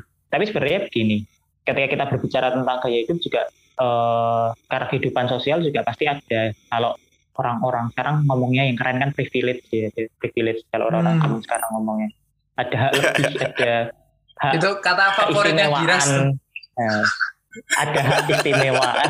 Hak istimewa apa ya? Ada keistimewaan masing-masing orang yang tidak yang menjadi sulit untuk dibandingkan dengan yang lain. Karena perpotongannya sangat banyak. Hmm. ada yang hidup di desa petani. Dia mungkin ke mana-mana nggak pakai masker. Kalau pas bekerja nggak masalah. Karena pekerjaannya terbanyak di pertanian ketemu sama tanaman kan? Pol-polan sama sapi gitu. Atau keluarganya sendiri. Kalau sama tetangga ngomong jauh udah biasa orang-orang di desa kalau ngomong tuh teriak udah biasa wes kok di sawah pak? Gitu udah biasa. Udah, udah biasa ngomong di depan pagar pintu itu Hmm. juga udah biasa. Itu hal yang wajar-wajar saja. Tetapi ketika kita bandingkan yang seperti itu dengan penduduk perkotaan di sub eh, perkotaan yang di tengah wilayah padat penduduk itu nggak bisa di, Hmm. disambingkan karena pertama kali ketika pandemi masuk Indonesia salah satu hal iya satu hal yang pertama kali paling aku lihat akan sangat sulit survive di masa pandemi adalah lingkungan yang seperti itu Hmm. sebenarnya bukan Ya, ya. survive dalam artian mereka bisa selamat eh, tidak selamat tetapi yang akan banyak terdampak terdampak dari sisi terinfeksinya terdampak dari sisi ekonomi juga karena kan mereka pendapatannya harian ketika ada Hmm. satu kegiatan ekonomi Ya, mereka ya. tidak berjalan mereka pasti nggak bisa dapat nggak bisa makan lah intinya seperti Hmm. itu orang-orang yang bekerja di yang tinggal dan bekerja di area padat penduduk mereka berarti hmm. mereka mau disuruh, oh bapak gejalanya ringan ini, bapak cuma batuk-batuk aja atau demam aja, oh isolasi mandiri pak, kita rumah sakit penuh, kita nggak bisa isolasi pak kalau gejalanya tidak sedang atau berat, di isolasi rumah mandiri. Lah di rumah emang empat kali empat meter diisi Nah, sama terus bapak, isinya ibu, ya orang kan? delapan istri, ah, ada orang delapan, nggak mungkin. nggak visible, Hmm. ya kan? Sangat tidak mungkin. Rumah karantina untuk orang-orang yang seperti itu itu adalah sebuah kewajiban penyelenggara, penyelenggara kota, penyelenggara kabupaten, negara dan lain-lain. Itu hal yang wajib. Hmm. Nggak mungkin isolasi mandiri kan? Berarti ya, Itu satu ya. satu hal. Berarti kayak Orang Ah, desa. sorry Ted, sorry saya sorry Ted, Hmm. memotong sedikit. Eh, berarti ya lagi-lagi yang paling rentan itu ya tetap anu ya eh, ekonomi rendah yang di pinggiran perkotaan yang di itu Iya. ya apa namanya? Iya. Hmm. Maksudnya kayak Soal- kayaknya ya kayaknya hampir lah. semua problem tuh kok kayaknya ngarahnya ke yang paling rentan tuh eh, bagian itu gitu loh. Ya sih? Atau karena kalau kebetulan aku aja. melihat, nah, kalau aku melihat mereka narasinya itu kita bawa ke anti urbanisasi ya Das ya maksudnya ya. Enggak, enggak. Aku, Aku- aku, aku, aku mau hubungin kan aku belum dengar. Eh, sebenarnya mungkin karena mereka karena mereka mungkin adalah orang yang paling punya potongan ketidakberuntungan yang lebih banyak daripada Hmm. kita Hmm. sebenarnya. Kalau aku sih melihat gitu, mereka punya potongan ketidakberuntungan yang lebih daripada orang-orang di desa atau suburban yang punya rumah. Orang-orang desa itu tanahnya luas. Mereka rumah itu magrong-magrong gede-gede. Sekalipun kamarnya nggak banyak, disuruh isolasi mandiri bisa mereka. Rumah kalau misal sekitar 5 kali 5 meter eh, gede ya cukup gede misal 10 kali 5 meter misal tidur di pojokan pakai masker resiko infeksi sudah sangat rendah. Eh, Jadi kan sebenarnya yang paling pertama kan kalau pandemic talk bilangnya kan VDC ya, ya, ventilasi, durasi sama jarak. Ventilasi yang penting terbuka. Durasi, durasi kalau kontak erat kan sekitar 20 menit. Tapi kalau durasi ini tidak harus lebih dari 20 menit, ventilasinya dijaga, Hmm. sama jarak. Kalau jaraknya dekat, durasinya dikurangi. Kita berdekatannya misal butuh merawat orang sakit ya mungkin sekitar 10 menit pakai masker sudah seperti itu. Itu sebenarnya bisa dijaga. Tetapi dengan rumah yang cuma dua kali dua meter alah mas, uh itu sangat sungguh kasihan sebenarnya. Iya. Makanya Ya, ketika kan ada kayak- orang Heeh. Ada orang pertama kali ngomong, oh ini herd immunity, oh ini nanti ada seleksi alam. Yo, aku secara pribadi ngomong mata nih. Eh, matane mata ya. seleksi alam yang mau arep benar, diseleksi adalah orang-orang yang menengah ke bawah. Ya. Orang yang sih. akan selamat adalah orang dengan kemampuan ekonomi mampu, ya kan, mampu lah setidaknya, atau yang punya ini yang yang punya kekuasaan Hmm. jelas mereka pasti akan survive tanpa ada pengurangan apa pun. Orang yang menengah tengah mesti akan kekurangan lah. Setidaknya bisa jadi mereka semakin infeksi, pendapatannya berkurang, tapi masih bisa Hmm. hidup lah untuk sehari-hari ya kan. Cicilan ya mungkin agak rendet, tetapi masih bisa lewat lah masa pandemi sulit. Orang yang ekonominya mampu, bodo amat ya kan. PCR tiap minggu mungkin tidak masalah ya kan. Ya, ya itu. PCR Maksudnya kayak ah, ya itu tak aku yang menarik tuh kan kayak ya itu tak tak tak angkat agak agak jauh gitu loh bahwa tentang Iya. eh, apa namanya eh, narasi tentang eh, eh, COVID ini tuh sebenarnya juga nggak hanya itu saja gitu. Ada narasi Iya. hal narasi lain yang lebih luas dan kayak kayak apa namanya kemarin kan habis ikut kelas tuh kayak orang-orang sekarang tuh di drive-nya itu cara pikirnya adalah mm, mengatasi sesuatu, mengatasi problem gitu dengan kayak solusi gitu. Jadi problemnya apa, dikasih solusinya apa. Ibaratnya COVID, COVID ini eh, masalah nih, solusinya apa? Vaksin gitu. Cara kita tuh kayak udah di drive oleh uh, pendidikan B. ya A Hmm. jawaban B kayak multiple choice gitu. Padahal padahal kayak belum nggak ada nih pertanyaan lanjutan gitu. Siapa yang pertama dapat vaksin gitu? Siapa yang terakhir dapat vaksin gitu? Dan siapa yang paling banyak mati gitu? Ibaratnya uh, itu itu pertanyaan itu tuh kan kadang luput gitu dan sebenarnya aku nggak meh nggak meh nggak meh gimana gimana ya cuma kayak uh, bahwa narasinya Meh, itu gimana gimana ya rapopo.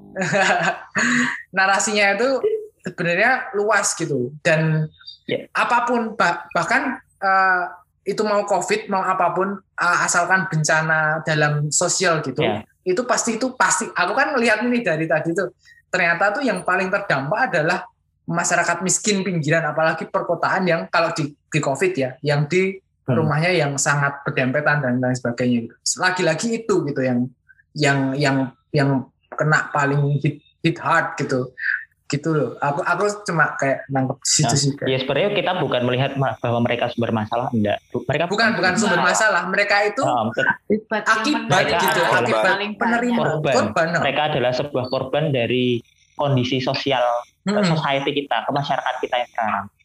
Jadi ketika ketika banyak orang mengatakan kemiskinan adalah apa ya? Ya orang-orang Sumber kemis- masalah. miskin sumber masalah sebenarnya bukan. Ya mereka adalah korban, korban. korban dari apa pun. Makanya mereka adalah perpotongan dari ketidakberuntungan yang paling banyak Hmm. seperti kalau aku lihat. Jadi ketika Hmm. "Oh, seleksi alam, oh, mata nih seleksi alam, kayak dong seleksi alam, mau coba original kelas ora tahu atau ngomongin seleksi alam ya kan. Padahal sebenarnya seleksi alam yang diomongkan sama Darwin eh apa namanya survival of the fittest itu berbeda dengan yang dianggap orang-orang seleksi alam sekarang. Seleksi alamnya yang dibicarakan di masa pandemi adalah seleksi sosial. Kalau nggak salah ada eh, Bukan natural selection, but social selection gitu. Iya, Not ada natural eh, selection. ada ada ada satu coba googling eh, natural selection sosial.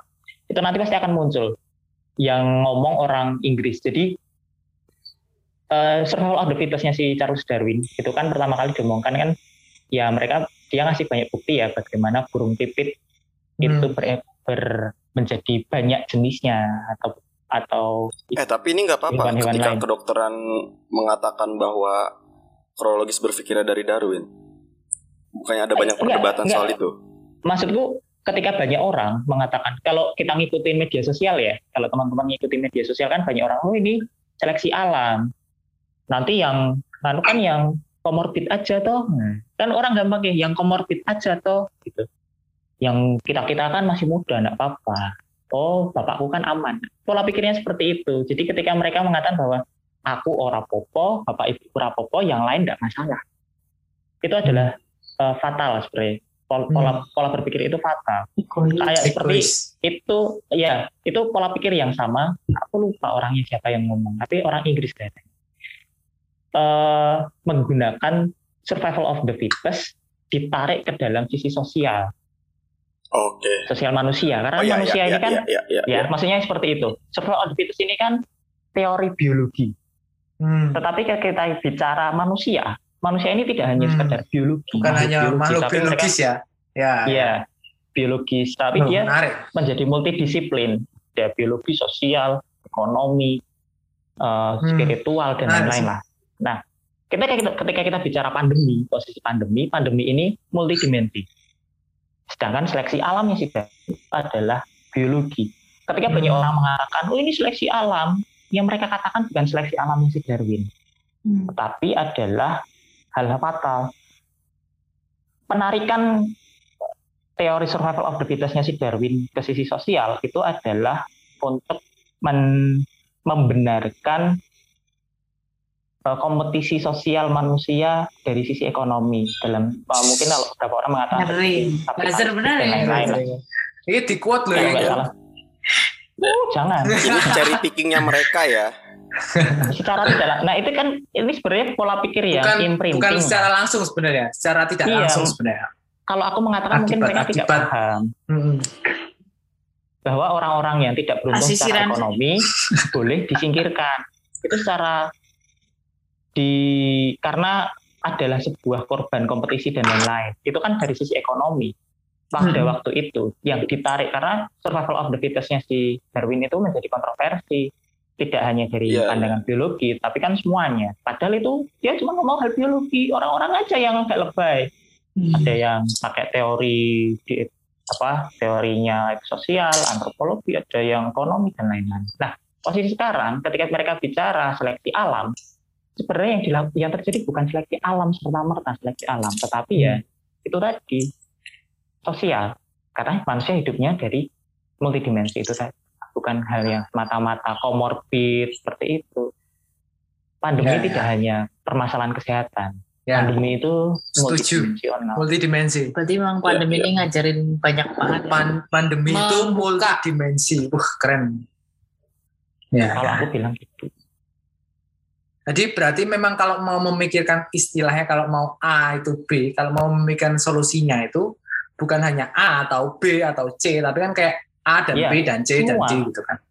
Heeh. Ya. Makanya kan ketika pertama sebenarnya oke lah pandemi tidak boleh tidak boleh dipolitisir. Tapi sebenarnya kebanyakan memang dipolitisir. Yang Hmm. pertama kali yang didengarkan memang seharusnya memang ilmuwan karena mereka punya dasar keilmuan, dasar teoritis. Iki penyakit opo seperti apa, penanganannya baiknya seperti apa. Nah, tindakan-tindakan ini kan seharusnya dituangkan di dalam sebuah tindakan politis. Seharusnya seperti itu. Itu yang aku Ya. ketahui sebagai warga negara kan.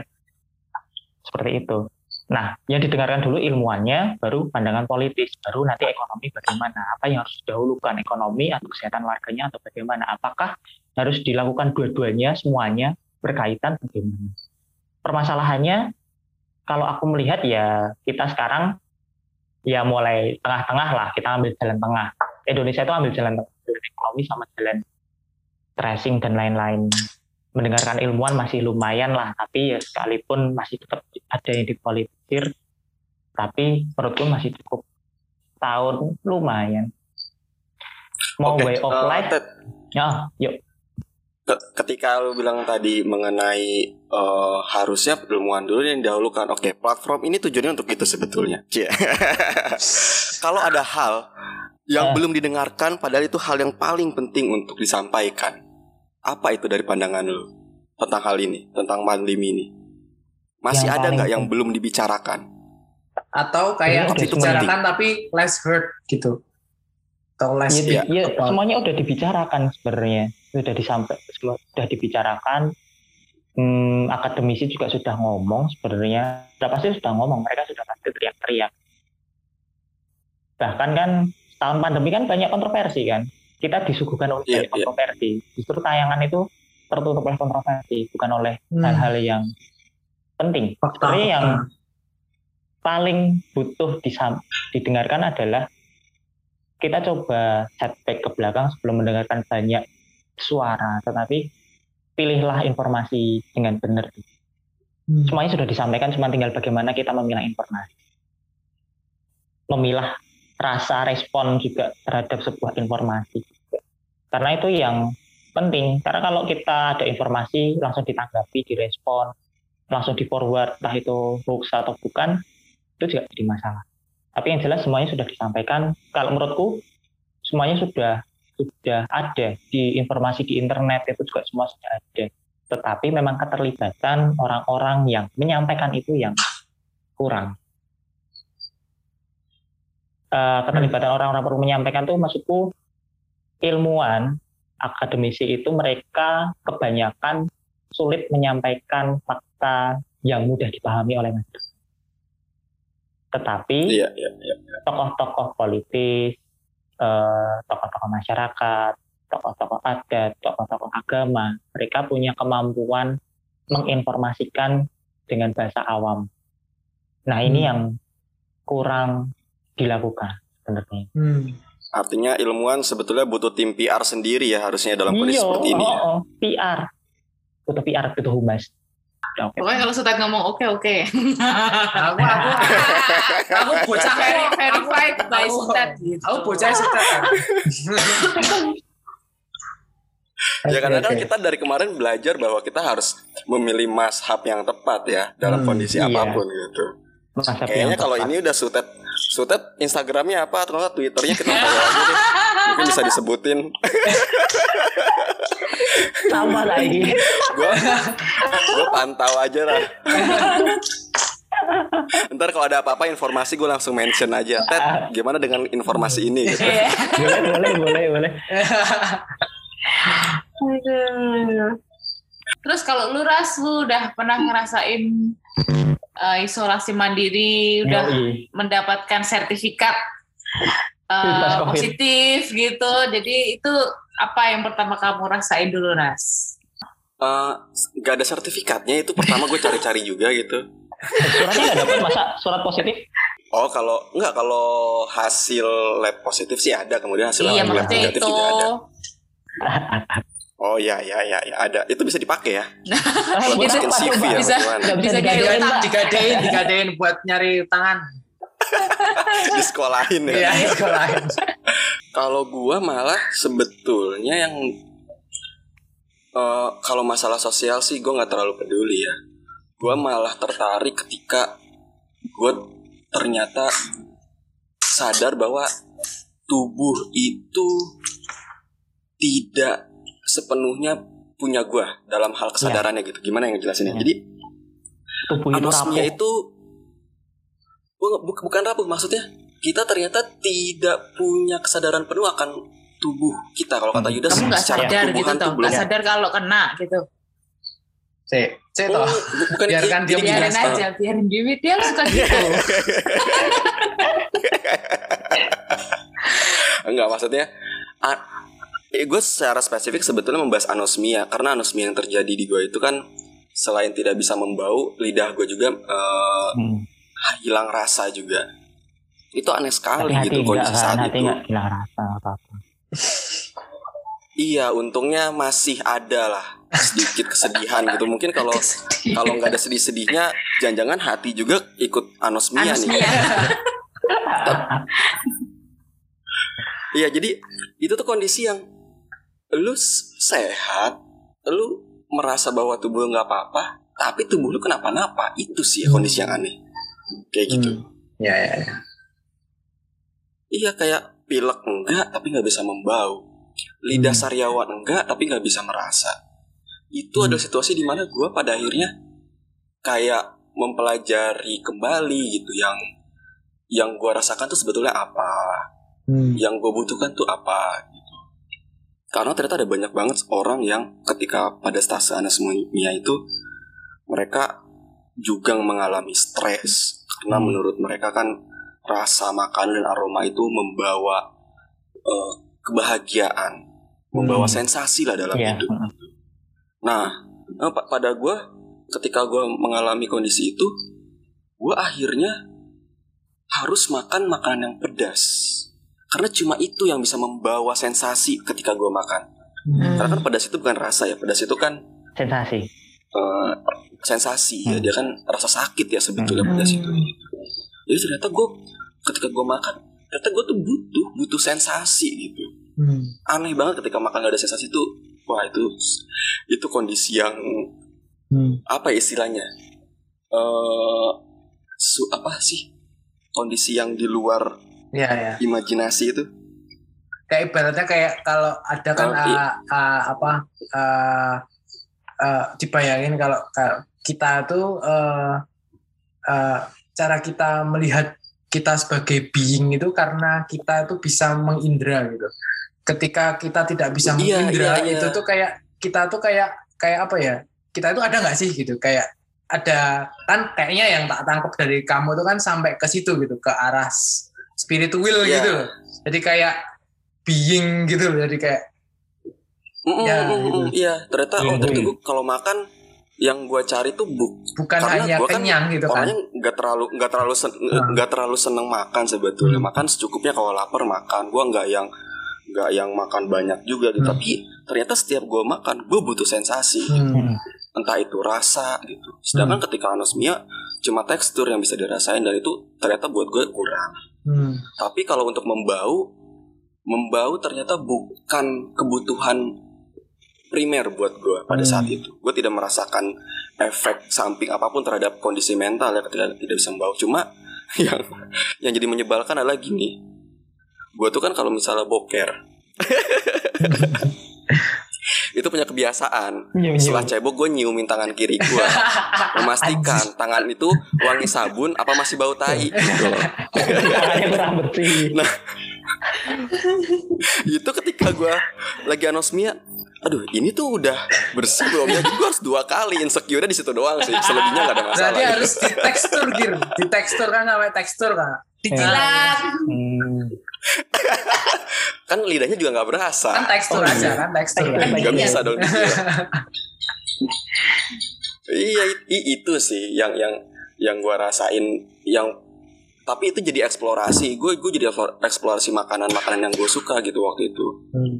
Pokoknya semua makanan gue cobain ternyata iya yang gue cari tuh sensasi dalam sebuah makanan bukan bukan kenyang Hmm. Bukan lapar mata nyobain rasa enggak tapi emang gue nyari sensasi sih sebetulnya Oh, dalam banget cuy. Kayak gitu. Kalau ditarik ke arah ya being gitu, bahwa kita hidup tuh kan membutuhkan itu gitu. Iya. Itu kan gue kayak mencoba untuk menyeimbangi sutet aja ya. kan kayak ya ya kayak itu. Kalau kalau kita hidup itu membutuhkan sensasi gitu. Tapi kalau kalau ada itu kan kayak anosmia itu kan kayak berarti kayak sensasi perasa itu tuh kan kayak dicabut gitu. Dan ketika itu dicabut tuh kayak ada yang hilang gitu. Bahkan zat atas sutet tadi kan juga kayak ada yang beberapa sampai stres gitu kan. Hmm. Kekiras Oh kata kira kata kira. Jadi kayak memang hidup ini memang kayak ya nggak hanya sekedar apa ya kayak nggak makan tuh nggak hanya buat kenyang gitu. Makan tuh juga kalau karena yang makan ya gitu kayak juga untuk Ya, jadi berbeda-beda ya makanya untuk gue konteksnya itu Hmm.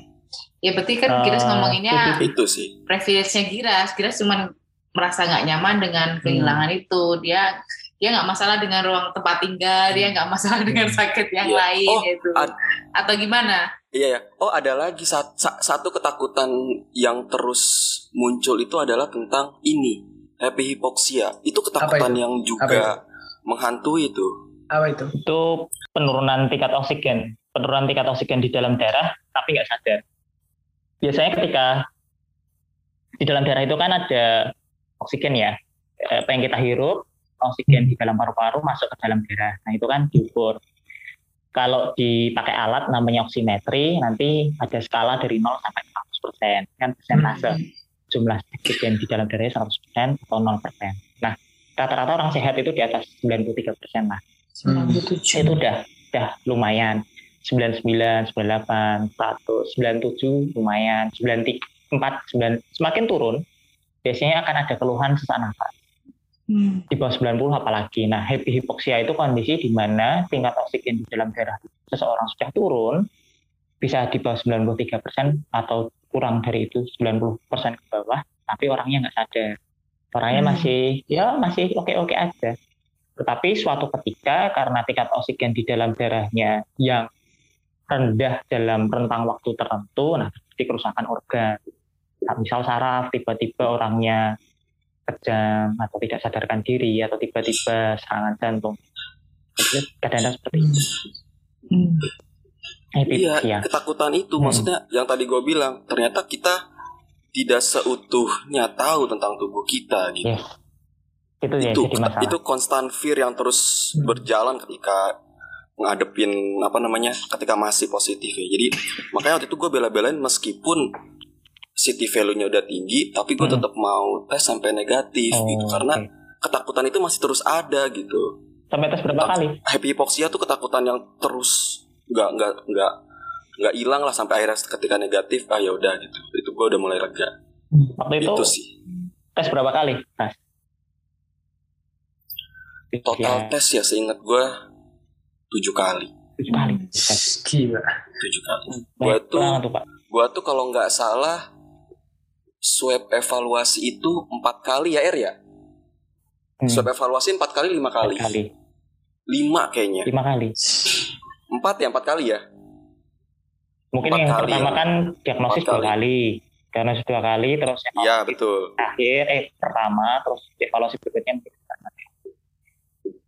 Hmm. Ya, ya enam sampai tujuh kali lah waktu itu. Ya demi itu demi menghilangkan keraguan akan Oke. itu sih. Terus anosmianya hilang kapan? Atau masih kurang? Kenapa? Dikit. Anosmianya mulai berkurang Wah. kapan? Berapa Kalau bulan? tuh gejalanya gini. Dulu tuh yang hari pertama sampai hari kedua. Eh sebentar sorry sorry. Belakang rumah ada yang bakar sampah. Gue perlu nutup jendela. Jadi udah balik. Udah bisa bau. Bisa banget. Ini berarti Giras sudah sempet tes terus masih positif, masih positif Nuna ya? Aku ke belakang dulu ya. Ya. Ih, Tadi sampai mana? berapa lama? Berapa kali? Berapa lama? Berapa lama anosmianya? Baru balik normal. Oh, oh iya tadi kronologisnya gini. Hari pertama, hari pertama itu gua meriang, Hmm. Hmm. demam, Oh demam. terus Sampai berapa? Hmm, demam dulu munculnya demam. Demam itu 39,4. Uh, tinggi banget. Lumayan. Tapi awal-awal awal-awal demamnya tuh tiga- 37, Hmm. tapi di hari jadi kan gue eh, sore itu demam, terus ya udah malam kan dikasih paracetamol segala macem, paginya langsung eh, apa namanya cek. Tapi siangnya itu 39,4 itu Hmm. dan itu rasanya waduh lewat nih kayaknya nih. Jadi kamu cek itu udah langsung beneran, tahu. beneran itu tuh kan belum keluar Iya, hasilnya belum keluar. Oh, waktu itu kan. itu waktu itu berarti. Mm, mm. Tapi waktu itu eh, swab antigen Hmm. Oke, ha. kan udah udah udah Udah ada tuh swab antigen udah ada. Hasilnya itu besok paginya tapi di hari itu demam gue 39 itu demam yang paling tinggi yang gue rasain. Itu benar-benar kondisi yang juga udah tipis lah. Untungnya masih sadar ya. Gue cuma nggak bisa ngapa-ngapain aja lah. Pokoknya badan tuh aneh banget, nggak bisa dikontrol. Abis itu untungnya demam meskipun man- mandeng aja demamnya 37, 37, tapi alhamdulillahnya eh, udah mulai bisa eh, beradaptasi lah mungkin kesadarannya. Nah, di hari keempat atau kelima, gue lupa, mungkin keempat, mulai tuh muncul anosmia itu. Hmm. Tapi pelan-pelan dulu, sehari dua hari, abis itu total tuh, sama sekali nggak ngerasain, sama sekali nggak ngerasain, dan itu berlangsung dua minggu lah, 14 hari 15 hari. Lama banget. Iya, lama. Makanya makanya gue iri tuh sama teman-teman yang pada bilang cuma enam hari, Iya. 9 hari gitu. Sialan kok gue lama banget ya. gue gue tuh beli makanan pedas terutama ya Ricis itu tuh sering banget Iya, ringan. karena cuma makanan itu yang bikin gue happy. Pantas, pantas lu gak sembuh-sembuh cuy. Lu makanya ricis. Mestinya makan Indomie. Indomie cabai lima. Hype abis loh. Mak- makan Indomie pun itu sensasi yang lumayan unik loh kalau lu mau ngerasain tang. Ya. Janganlah. makan Indomie nggak pakai rasa. Lu bikin Indomie nih. In- Indomie kan aromanya kita Iya. tahu lah ya betapa menggugah seleranya gitu. Lu nggak ngerasain itu tuh aneh banget loh. Itu tuh sensasi yang sensasi yang Absurd banget. iya. Gak mungkin lah ini tuh Wah, iya gitulah pokoknya. Ya kurang lebih gitu sih sebetulnya. Selebihnya setelah setelah anosmia udah normal semuanya, tinggal nunggu-nunggu negatif aja. Hmm. Gitu sih. Kalau gitu apa gejalanya ringan ya per- Ah, kategorinya. ya? Kategori ringan sebenarnya. Kategori ringan tapi udah bikin emosi sih udah. Emosi sama stres jiwa. Deben ini dampaknya paling banyak ya di kita kita aja sebenarnya di kita kita bawah. Kalau yang kita ke atas mah santai pak. Hmm. Apalagi yang punya duit banyak, kena terinfeksi, kena serangan berat, punya duit beli ICU, repot amat. Lu apa aja selain dokter tadi? Nanam terus? Terus sama istri punya usaha apa ya F&B, food and beverage, tapi masih awal-awal, masih tanda kutip startup awal-awal.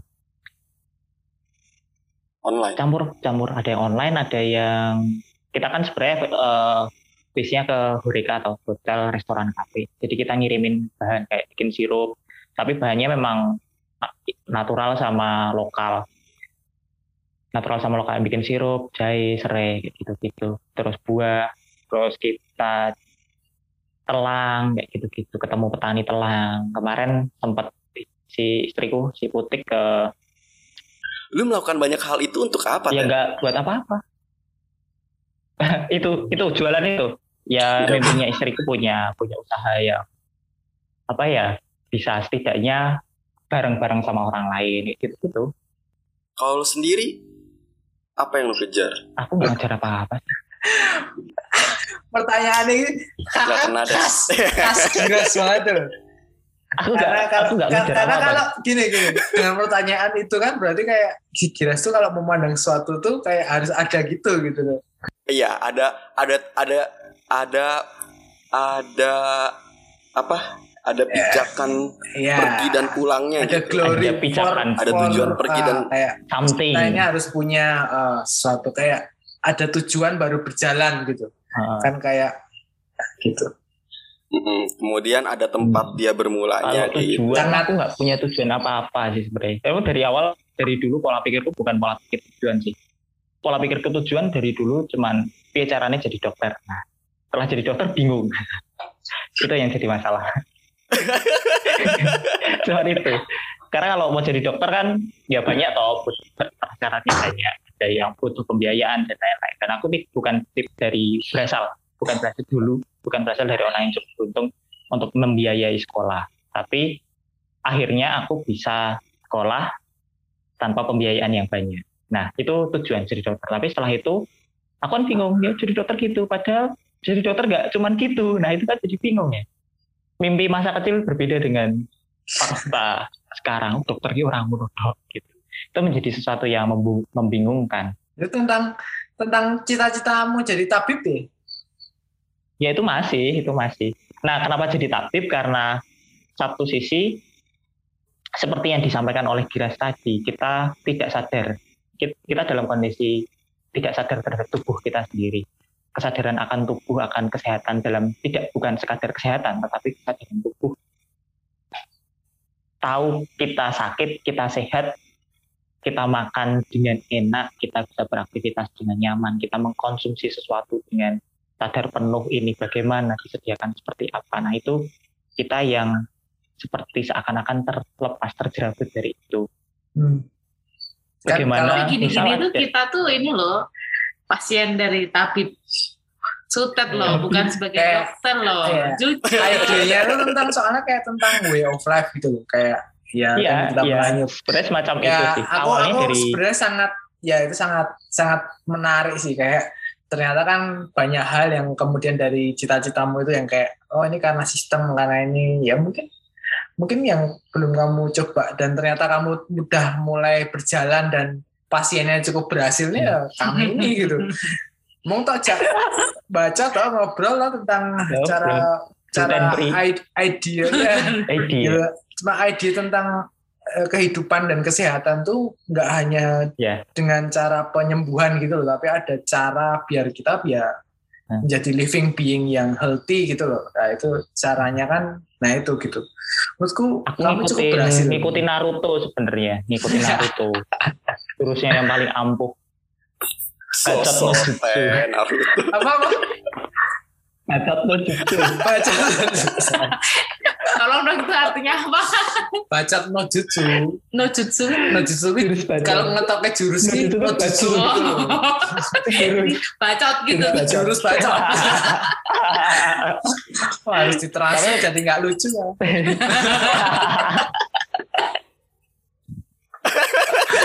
ya mohon maaf. tapi tapi emang itu banyak yang ya sekalipun aku kalau di rumah sakit ngasih pasien obat ya tapi kebanyakan ada yang tak kasih tahu dengan cara pelan-pelan ada yang dengan cara setengah nyentak ada yang pakai marah bener-bener marah ada Hmm. baru datang gitu mau ya beberapa ya misal ini ini misal ya permisalkan aja pasien datang tengah malam nyeri perut dok saya nyeri perut. Sudah makan belum? Belum. Terakhir makan kapan? Tadi pagi kenapa? Lupa makan. Langsung tak itu langsung tak tak sentak bapak ke sini ngapain? Ya mending pulang kan. Ke warung padang kan. Beli nasi padang lapar. Lapar. Lapar. Itu datang malam-malam gitu kan. Ya ya udah pak. Tak suntik tak kasih obat. Enggak, Ted. Dia datang ke situ minta duit buat beli makan, Ted. eh tapi Bukan habisnya minta lebih banyak daripada ketika dia pergi sekalipun misal jasa medisku ku hilangin misalnya. Iya, dia datang ke lu tuh minta dibayarin. Aduh. itu. Ada yang tak marahin. Ibu pengen sehat? Pengen dok. Saya tiga bulan perutnya sakit terus. Makan. Obatnya cuma aku makan. Ngapain rumah sakit tiga bulan? Ya sembuh sembuh makan berapa kali sehari? Satu kali dok sehari. Ya udah makan aja kenapa makan sering tapi eh, sedikit tapi sering. Apa repotnya? Tapi berat badannya gimana dok ya udah ibu makan buah sama sayur aja gitu kan itu repot banget itu itu hal yang Itu sederhana Iya. repot banget banyak orang tidak menyadari kebutuhan tubuhnya bukan yang mereka sadar adalah keinginan dirinya, Hmm. bukan kebutuhan dirinya. Kan berpikir, aku ingin idea sesuatu, i- dan ah ya dan ide tentang need and sound- want. Uh, uh, need and want terus kayak Need semua itu want. harus ada solusi gitu kayak ada masalah ada solusi gitu Heeh. kayak kayak langsung kayak ada obat selesai gitu permasalahanku selesai Mikirnya gitu. gitu. padahal kan iya kan Aku ke rumah sakit minta obat, harusnya aku sembuh. Tapi diriku tidak Instan. ada yang disembuhkan. uh, ide Bahkan tentang dalam ya, bagaimana kamu sakit mengatakan, gitu loh Yes, how bagaimana kamu sakit? Bagaimana kamu sakit itu yang yang seharusnya menjadi pertanyaan besar di setiap kita. Hmm, Bagaimana kamu sakit ya itu bagaimana kamu menyembuhkan dirimu sendiri. hmm, Dokter yang baik itu sebenarnya bukan mengobati. Kalau di kalau aku dulu diajari, dokter pertama kali yang dilakukan adalah diagnosis, diagnosis, diagnosis baru terapi. Nah, diagnosis ini adalah perjalanan bagaimana seorang dokter membaca dalam tanda kutip pasiennya, problemnya apa. Terapi, obat kalau perlu, kalau nggak perlu ya udah suruh makan. atau Pasienku yang nyeri perut menghindari dan- makanan tertentu kan gitu Iya. Pasienku yang datang ke rumah sakit kalau nyeri perut, ya kalau minta kasih aku deh obat untuk mengurangi asam lambung dan lain-lain. Tapi yang penting ibu makan. Nggak mau dok, mau sembuh nggak mau, mau. Ya sudah makan, nggak selera. Makan bukan masalah selera. Satu bukan masalah selera.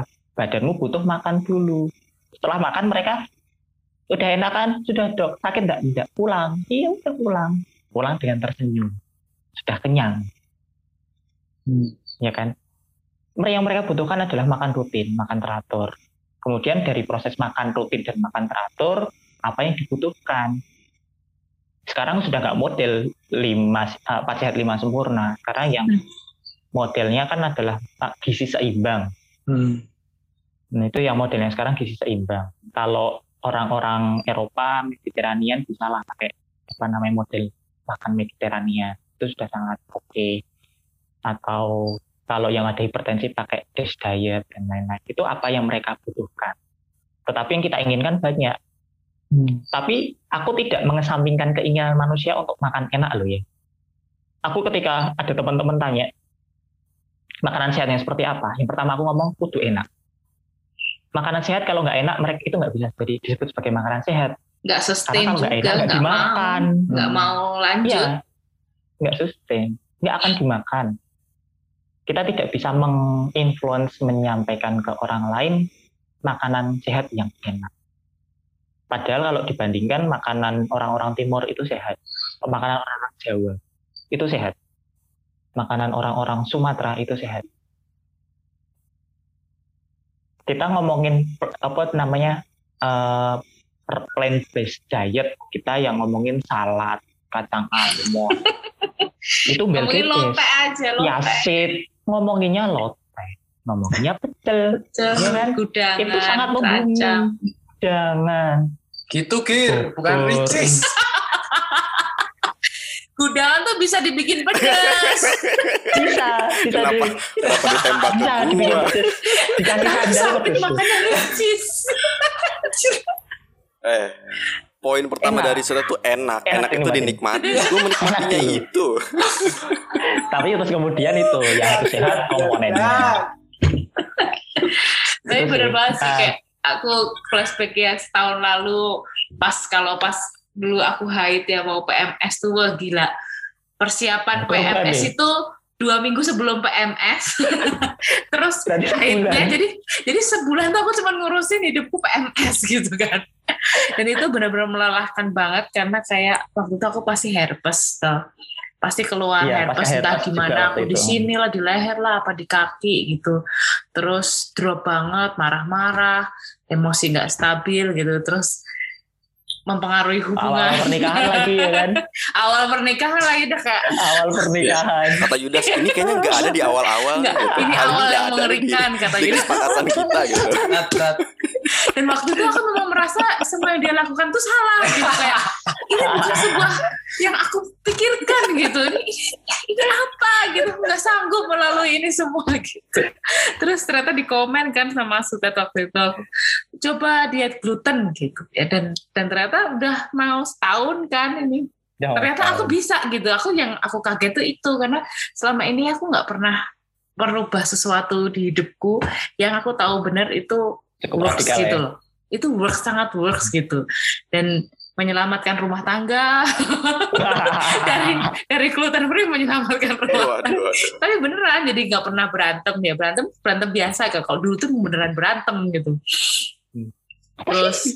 apa sih? terus terus PMS-nya jadi soft nggak ada masalah apa apa lebih sehat. Dan maksudku Hmm. eh, itu kan nggak mungkin kalau misalnya kalau itu temanku yang ngomong yang lain gitu mungkin aku nggak percaya tapi karena kalau sudah dokter itu lebih percaya gitu loh oh Hmm. oke oh ini mungkin sesuatu yang perlu aku coba gitu tapi kalau temanku yang lain mungkin aku enggak jadi sebenarnya kedokterannya itu juga juga penting kedokterannya Hmm. eh sutet gitu bahwa ya. ini Sebenarnya ya bukan profesi sih, lebih Apa kayak sih? apa ya? Ya ya verified kan gitu loh Bukan, pijakan kebenarannya ah. sudah di, bisa diyakini gitu. kayak gitu-gitu Sebenarnya itu aku terus juga iseng-iseng loh ngomong itu. Aku nyari teman. kelinci kelinci percobaan Aku nyari teman. Nyari Aku nyari teman. Karena sebelumnya aku juga itu. Sebenarnya Sutet Oh. punya lima jawaban yang lain, cuma waktu itu dia kebetulan dulu pilihnya gitu ya. itu. Karena waktu itu aku sebenarnya juga pas lagi menghindari gluten loh sebenarnya. Karena aku aku aku menyadari diriku bahwa aku sangat emosional dan sangat iritatif, apalagi setelah nikah. Kayak aku kan tipe penyendiri ya, cenderung penyendiri. Kayak ruangku ruangku tiba-tiba datang dengan seorang pasangan, tiba-tiba ketemu terus itu ada gegap gitu. Tapi dengan dengan gluten itu memang sungguh sangat ampuh sih. Pernah kemarin suatu ketika aku makan bakpao. Kenapa gagap, Ted? Enggak, bukan. Dia dia sok gagap ya saya kira setelah beli deh. emang dia beli aduh. Ada suatu Bayangkan ketika jadi aku kan kami suka eh, suka bakpao babi kan. Bakpao bakpao kan tepung yang lembut. Kalau nggak lembut nah yang lembut kan dari tepung terigu kan. Nah, itu isinya ya babi ya. Mungkin itu off the record kalau nggak apa-apa. Dari Magelang Hmm. itu makan satu nggak cukup pak. Aku makan dua. Itu sampai dua minggu. Marah-marah. Ya korban itu untung dia sabar ya. Saya sangat beruntung dipertemukan oleh perempuan yang sabar. Apa dasarnya itu bisa terjadi? apa dasarnya? Eh, aku nggak tahu pasti ya tapi aku sih sering-sering baca-baca ya kenapa gluten. Eh, gluten itu punya pengaruh sebenarnya. Si gluten itu eh, base-nya itu masih abu-abu. Masih ya ada yang bilang itu sense ada yang bilang itu sense tapi masih dalam kondisi abu-abu sesungguhnya. Sudah banyak jurnalnya tetapi jurnalnya tidak A ke X ke A ke B. Jawabannya seperti itu kenapa gluten bikin orang tidak emosian? Atau kenapa gluten tidak menyebabkan orang PMS tidak A to B. Tapi dia A to sebuah proses yang panjang. Kemudian muncul banyak gejala. Gluten itu eh, zat apa ya semacam semacam protein karbohidrat kalau nggak salah ya. Kalau nggak salah di gandum. Atau di kalau nggak salah rye. Kalau nggak salah RYE kalau nggak salah. Yang banyak bir itu loh. Banyak bir itu apa ya Malt. No, malt. Um, malt itu ada ke- ada ada yang bilang ada, punya gluten ada yang bilang enggak Hmm. Nah, masalahnya si gluten ini di beberapa orang, beberapa orang itu menyebabkan proses peradangan di saluran cerna. Nah, beberapa beberapa apa ya beberapa tahun ini aku emang baru suka baca-baca terkait dengan saluran cerna tentang bakteri, tentang proses makan seperti itu. Nah, salah satu yang menjadi per- menjadi ketertarikan itu tentang gluten. Nah, proses peradangan di saluran cerna disebabkan oleh apa pun ya proses peradangan di saluran cerna itu akan menyebabkan banyak hal di tubuh kita. Salah satunya penyakit kronis dari hipertensi, kegemukan, diabetes mellitus, terus kemudian hiperkolesterolemia, dan kemudian merembetnya ke mana-mana. Stroke, jantung, dan. Awalnya dari saluran cerna. Salah satunya, sekalipun eh, banyak orang yang punya kecenderungan untuk obesitas, untuk hipertensi, untuk diabetes mellitus sebelumnya dari eh, jalur genetis kedua orang tua. Tetapi dengan apa yang kita konsumsi, dengan proses peradangan di saluran cerna bisa menyebabkan itu semua. Salah satunya gluten, tapi tidak setiap tidak semua orang. Jadi harus ngecek badannya sendiri. Aku makan sesuatu berefek gak ke aku? Aku makan sesuatu berefek gak ke aku? Itu satu. Kedua, tentang kondisi keseimbangan mikrobiota saluran cerna atau hmm. bakteri baik sekarang ini. Sebetulnya bakteri baik mikrobiota, mikrobiom di saluran cerna kita seluruh tubuh kita itu kita berbagi hidup dengan makhluk hidup yang lain. Ada parasit, ada yang mutual, teri, ada jamur, sama parasit-parasit yang lain. Nah, kita bergantung juga sama beberapa tipe jamur sama bakteri-bakteri di saluran cerna yang baik. Mereka mencer mereka memproses bahan makanan untuk menjadi vitamin, menjadi asam lemak rantai pendek, terus kemudian proses kekebalan tubuh, eh, banyak lah jadi itu. Jadi ketika apa yang kita makan ketika dulu ada orang yang makan apa yang kamu makan itu kamu kamu adalah apa yang kamu makan? Cara tidak langsung ya memang. Seperti itu. Tetapi uh, prinsip-prinsip diet yang banyak sekali di luar sana itu tetap perlu dikritisi uh, penggunaannya karena banyak tipe diet yang harusnya memang diberikan dilakukan pada orang-orang dengan kondisi klinis tertentu, tetapi di generalis digeneralisasi hmm. ke kondisi secara umum. Padahal itu nggak bisa. Kondisi secara umum diet yang benar ya gizi seimbang. Gizi seimbang, tetapi kalau misal berat badannya tinggi ya ditambahi dengan aktivitas fisik yang cukup.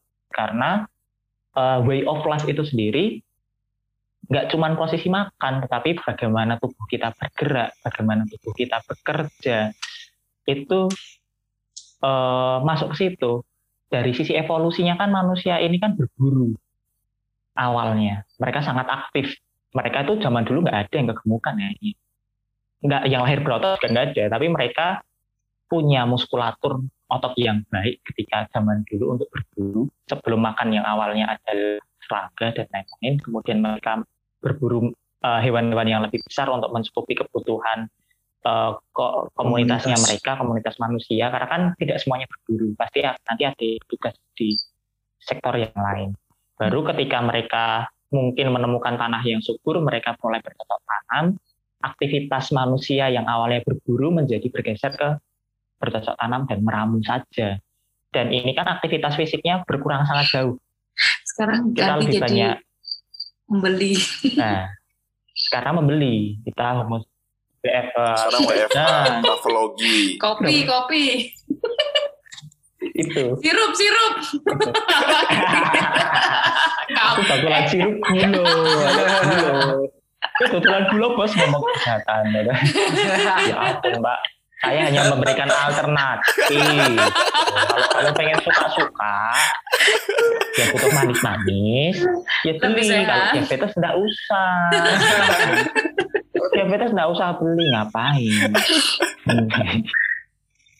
penuh ironi penuh itu, ironi, itu penuh ya. ironi pak itu sih jadi sebenarnya way of life ya semuanya paket lah itu sesuatu yang tidak boleh dipilah-pilah ya maamnya yang betul penyediaan yeah. penyediaan pangannya betul proses memasak dan mengkonsumsinya mm -hmm. betul kemudian ditambah dengan ya aktivitas fisik terus kemudian aktivitas sosial, ketemu dengan manusia yang lain.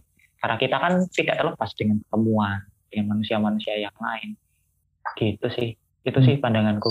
Suka WFH ini keren, keren.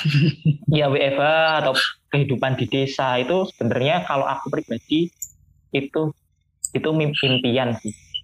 Impianku hidup di desa punya tanah luas.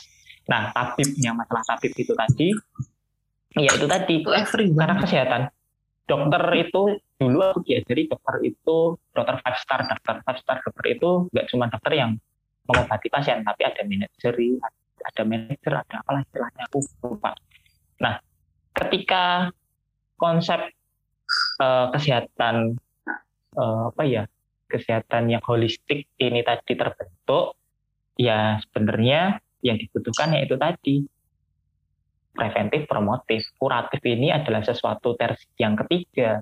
Kalau memang kita sudah promotif dan preventif dengan makanan yang baik, dengan aktivitas fisik yang cukup, dengan interaksi sosial yang baik, seperti itu, ketika kita masih jatuh sakit, nah yang tersier, seperti itu. bisa nggak sih? Ya kan kalau yang di anak ayam itu kan kita nggak usah nih, kita nggak usah minum obat anti hipertensi dan lain-lain. Misal seperti itu ada sempat dulu kemarin apa seperti itu. Ya memang betul kalau kalau hipertensimu sudah terkontrol dengan diet, jika sakit gulamu sudah terkontrol dengan diet ya nggak usah konsumsi nggak apa-apa. Asal terkontrol, tahu, kamu tahu kondisi tubuhmu. Cara pengen tahunya gimana? Ngecek tekanan darah teratur, ngecek gula teratur, itu caranya untuk tahu tahu banget diri terkontrol. Nggak sekedar aku minum ini aku merasa baik saja aku tidak ada keluhan aku sehat enggak karena kondisi kesehatan itu sering kali seperti yang diomongkan Giras tadi. Hmm, tidak tahu. Aku merasa sehat tidak ternyata tubuhku tidak sehat sama sekali. Nah itu yang menjadi masalah. Karena hipertensi dan gula itu nggak akan ada keluhan kalau misal nggak sampai pol mentok kondisi hmm. sampai kondisi capek banget itu nggak akan kerasa dan aku hmm. bersyukur kemarin dulu aku tahu bahwa aku punya tekanan darah tinggi karena aku sering pusing. Padahal tekanan darahku nggak terlalu tinggi, cuma 120 per 90 bawah. Kadang-kadang 100 yang bawah. Tapi ketika aku searching itu masuk, ya bukan searching sih, terkait dengan keilmuanku yang dulu itu masuk hipertensi. Sekalipun 120 per 100, nggak terlalu tinggi dilihat, tetapi yang bawah posisi diastoliknya 100, itu tinggi. Aku tiap hari nyepeda, tiap hari makananku pikir cukup sehat lah, mungkin sekitar gorengan agak sulit. Tapi aku sudah membatasi itu, masih agak tinggi, nggak terkontrol. Jadi obat anti hipertensi. Kenapa? Karena aku hipertensinya esensial. Memang ada garis keturunan genetik di situ yang dengan diet pun tidak baik. Nah itu beda cerita. Bagaimana orang yang di kota dan di desa tingkat kesehatannya bisa sangat berbeda. Ada banyak jurnal, ada banyak paper yang mengatakan bakteri yang ada di saluran cerna kita orang-orang di desa dan orang di kota itu lebih baik, lebih banyak ragamnya desaan gitu. terkait dengan lingkungan pekerjaan, terkait dengan polusi, eh, tempat tinggal, terus pertemuan dengan hewan peliharaan, dengan tanaman sekitar seperti itulah.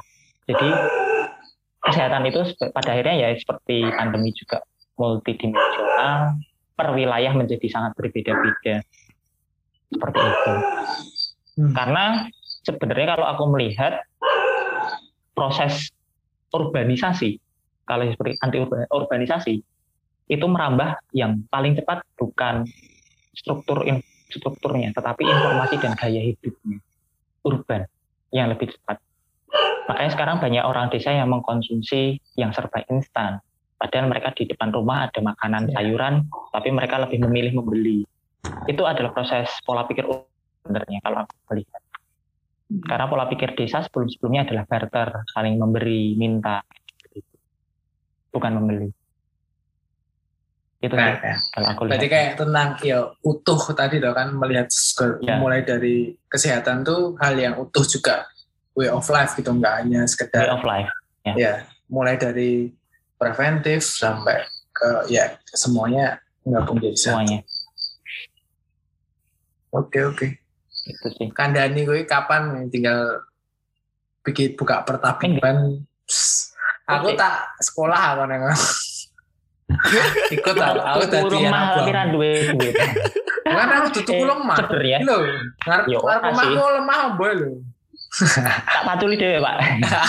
Iya sih, sebenarnya kalau mau sebenarnya mau dibilang way of life yang paling oke, okay, salah satu contohnya adalah rumahnya ngemplak dan lintang seperti Yudas dan lintang. Itu adalah jauh pak. Enggak, itu komun, kalau aku melihat iya. pribadi sebagai bentuk komun ya, sebagai bentuk uh, prototipe masa kini.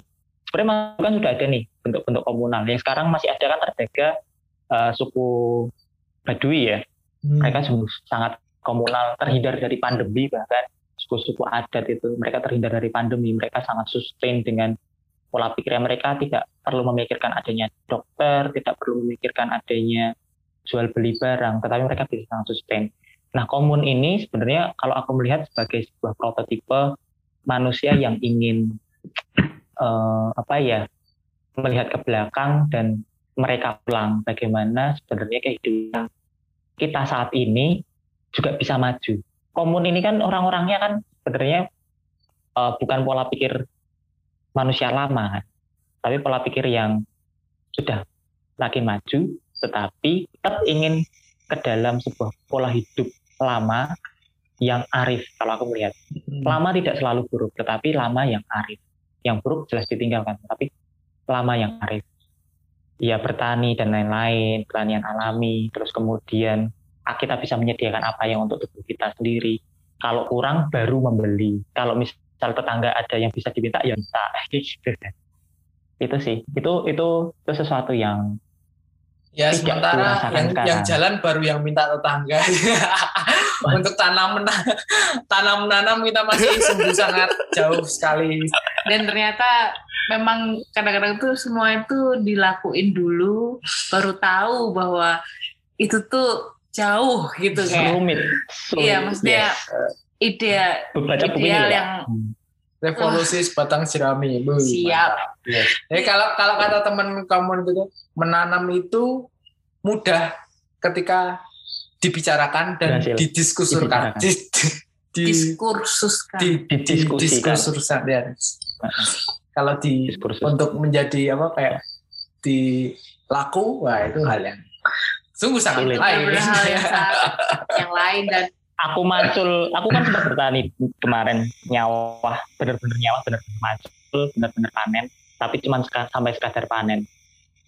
Nggak sampai nyoba, berasnya aku belum nyoba, jual juga belum tak jual. Karena posisi gabah sekitar tujuh bulan yang lalu masih di rumah temanku. Mungkin temanku yang mencoba mengkonsumsi itu, tapi bagiku ya sudah, nggak apa-apa. Jadi ya keluar duit, itu kan pakai lahan yang disewa sama teman-teman tanami ya aku berangkat macul, yo nyiangin, yo ya sempat cekcok sama petani sekitar. Itu itu itu sesuatu yang Hmm. ma, bertani itu gampang di mulut ya kan. Ngakoni Nah, nih, wah ya. Allah, ya kan ya Allah. Bertani itu gini gini gini gini gini. Matamu. awe, awe, awe. Keren, keren. siap Oke siap. Oke ini kan eh, apa ya? Biasanya gitu di akhir sesi ini kan, ini kan judulnya kan podcast masih, masih cari nama cari nama, betul, tak? Jadi kita ini nih sebenarnya nih ngajak ngobrol Ngomong kamu cuma apa? buat alasan aja. Sebenarnya asli ini memang meh takon, meh takon, meh takon. Kira-kira ini podcast kayak ini, ini kira-kira kalau podcast seperti ini tuh eh, Namanya namanya, apa? apa sih gitu? Kita tuh ma- cuma itu sebenarnya inti dari pembicaraan Cek, ngalor ngidul, Pak. Ngalor Yang ngidul. tadi awal-awal tuh nggak penting sebenarnya. Kalau podcast gitu. ngalor Eh, Eh, Kok gitu? tapi ngulon? ngalor ngidul, Oh, Ah, ngetan ngulon. Nek misal ngalor ngidul sono ngetan ngulon. Coba cari podcast ngalor ngidul baru ngetan ngulon. Kenapa? Alasan mengapa seperti itu gitu? Karena wide, Pak. Wide. Eh, Kalau aku bilang ya ketika bicara, mungkin karena kalian bicaranya sama aku ya, jadi terlalu lebar ke mana-mana. Cuman kalau bleber mungkin kalau ya lebih spesifik bisa hmm. tuh. podcast ngalor Boleh gitu. jeneng. Jadi Ya, kalian concernnya ke mana? Hmm. Nggak punya Ya, concern emang- ya emang concernnya itu, ya itu tadi nanya judul podcastnya dulu. itu salah satu-satunya concern kita yang dari awal sampai akhir itu masih ada. yang lainnya itu Yang lainnya itu sampingan ya. ngikutin aja ngikutin ya oke lah namanya. Menurutku sih oke. Menurutmu gimana gitu namanya? Pertimbangan lah. terima deh mas tiap masukan terima. Ya, Bisa bisa kan kita menerima masukin, dulu. tapi belum jadi ini disepakatin. eh, Suta tuh tamu ke berapa ya tamu ke Kita Tiga. simpen aja dulu. Tiga. oh, podcast keempat Podcast tamu keempat, tamu ketiga. Tiga. Udah di launch, udah di udah di airing belum yang sebelum-sebelumnya? Udah. sudah cuman ya Wah, nggak. Underground. Oh, Ya, tolong nanti yang dengerin hari ini. Duh, aku skrep ya, ora ngerti beberapa kali. Oh, pas aku buka toh. Spotify, Spotify. Enggak, Bisa nge-share-nya ke close friend soalnya Ted. Wah lah iya. betul daerah bu close friend Jahat dia tuh nggak punya close friend close friendnya tuh dirinya sendiri Sampai di sampai di dikeluarin close friend. Aku hanya berteman dengan diriku sendiri. Oh,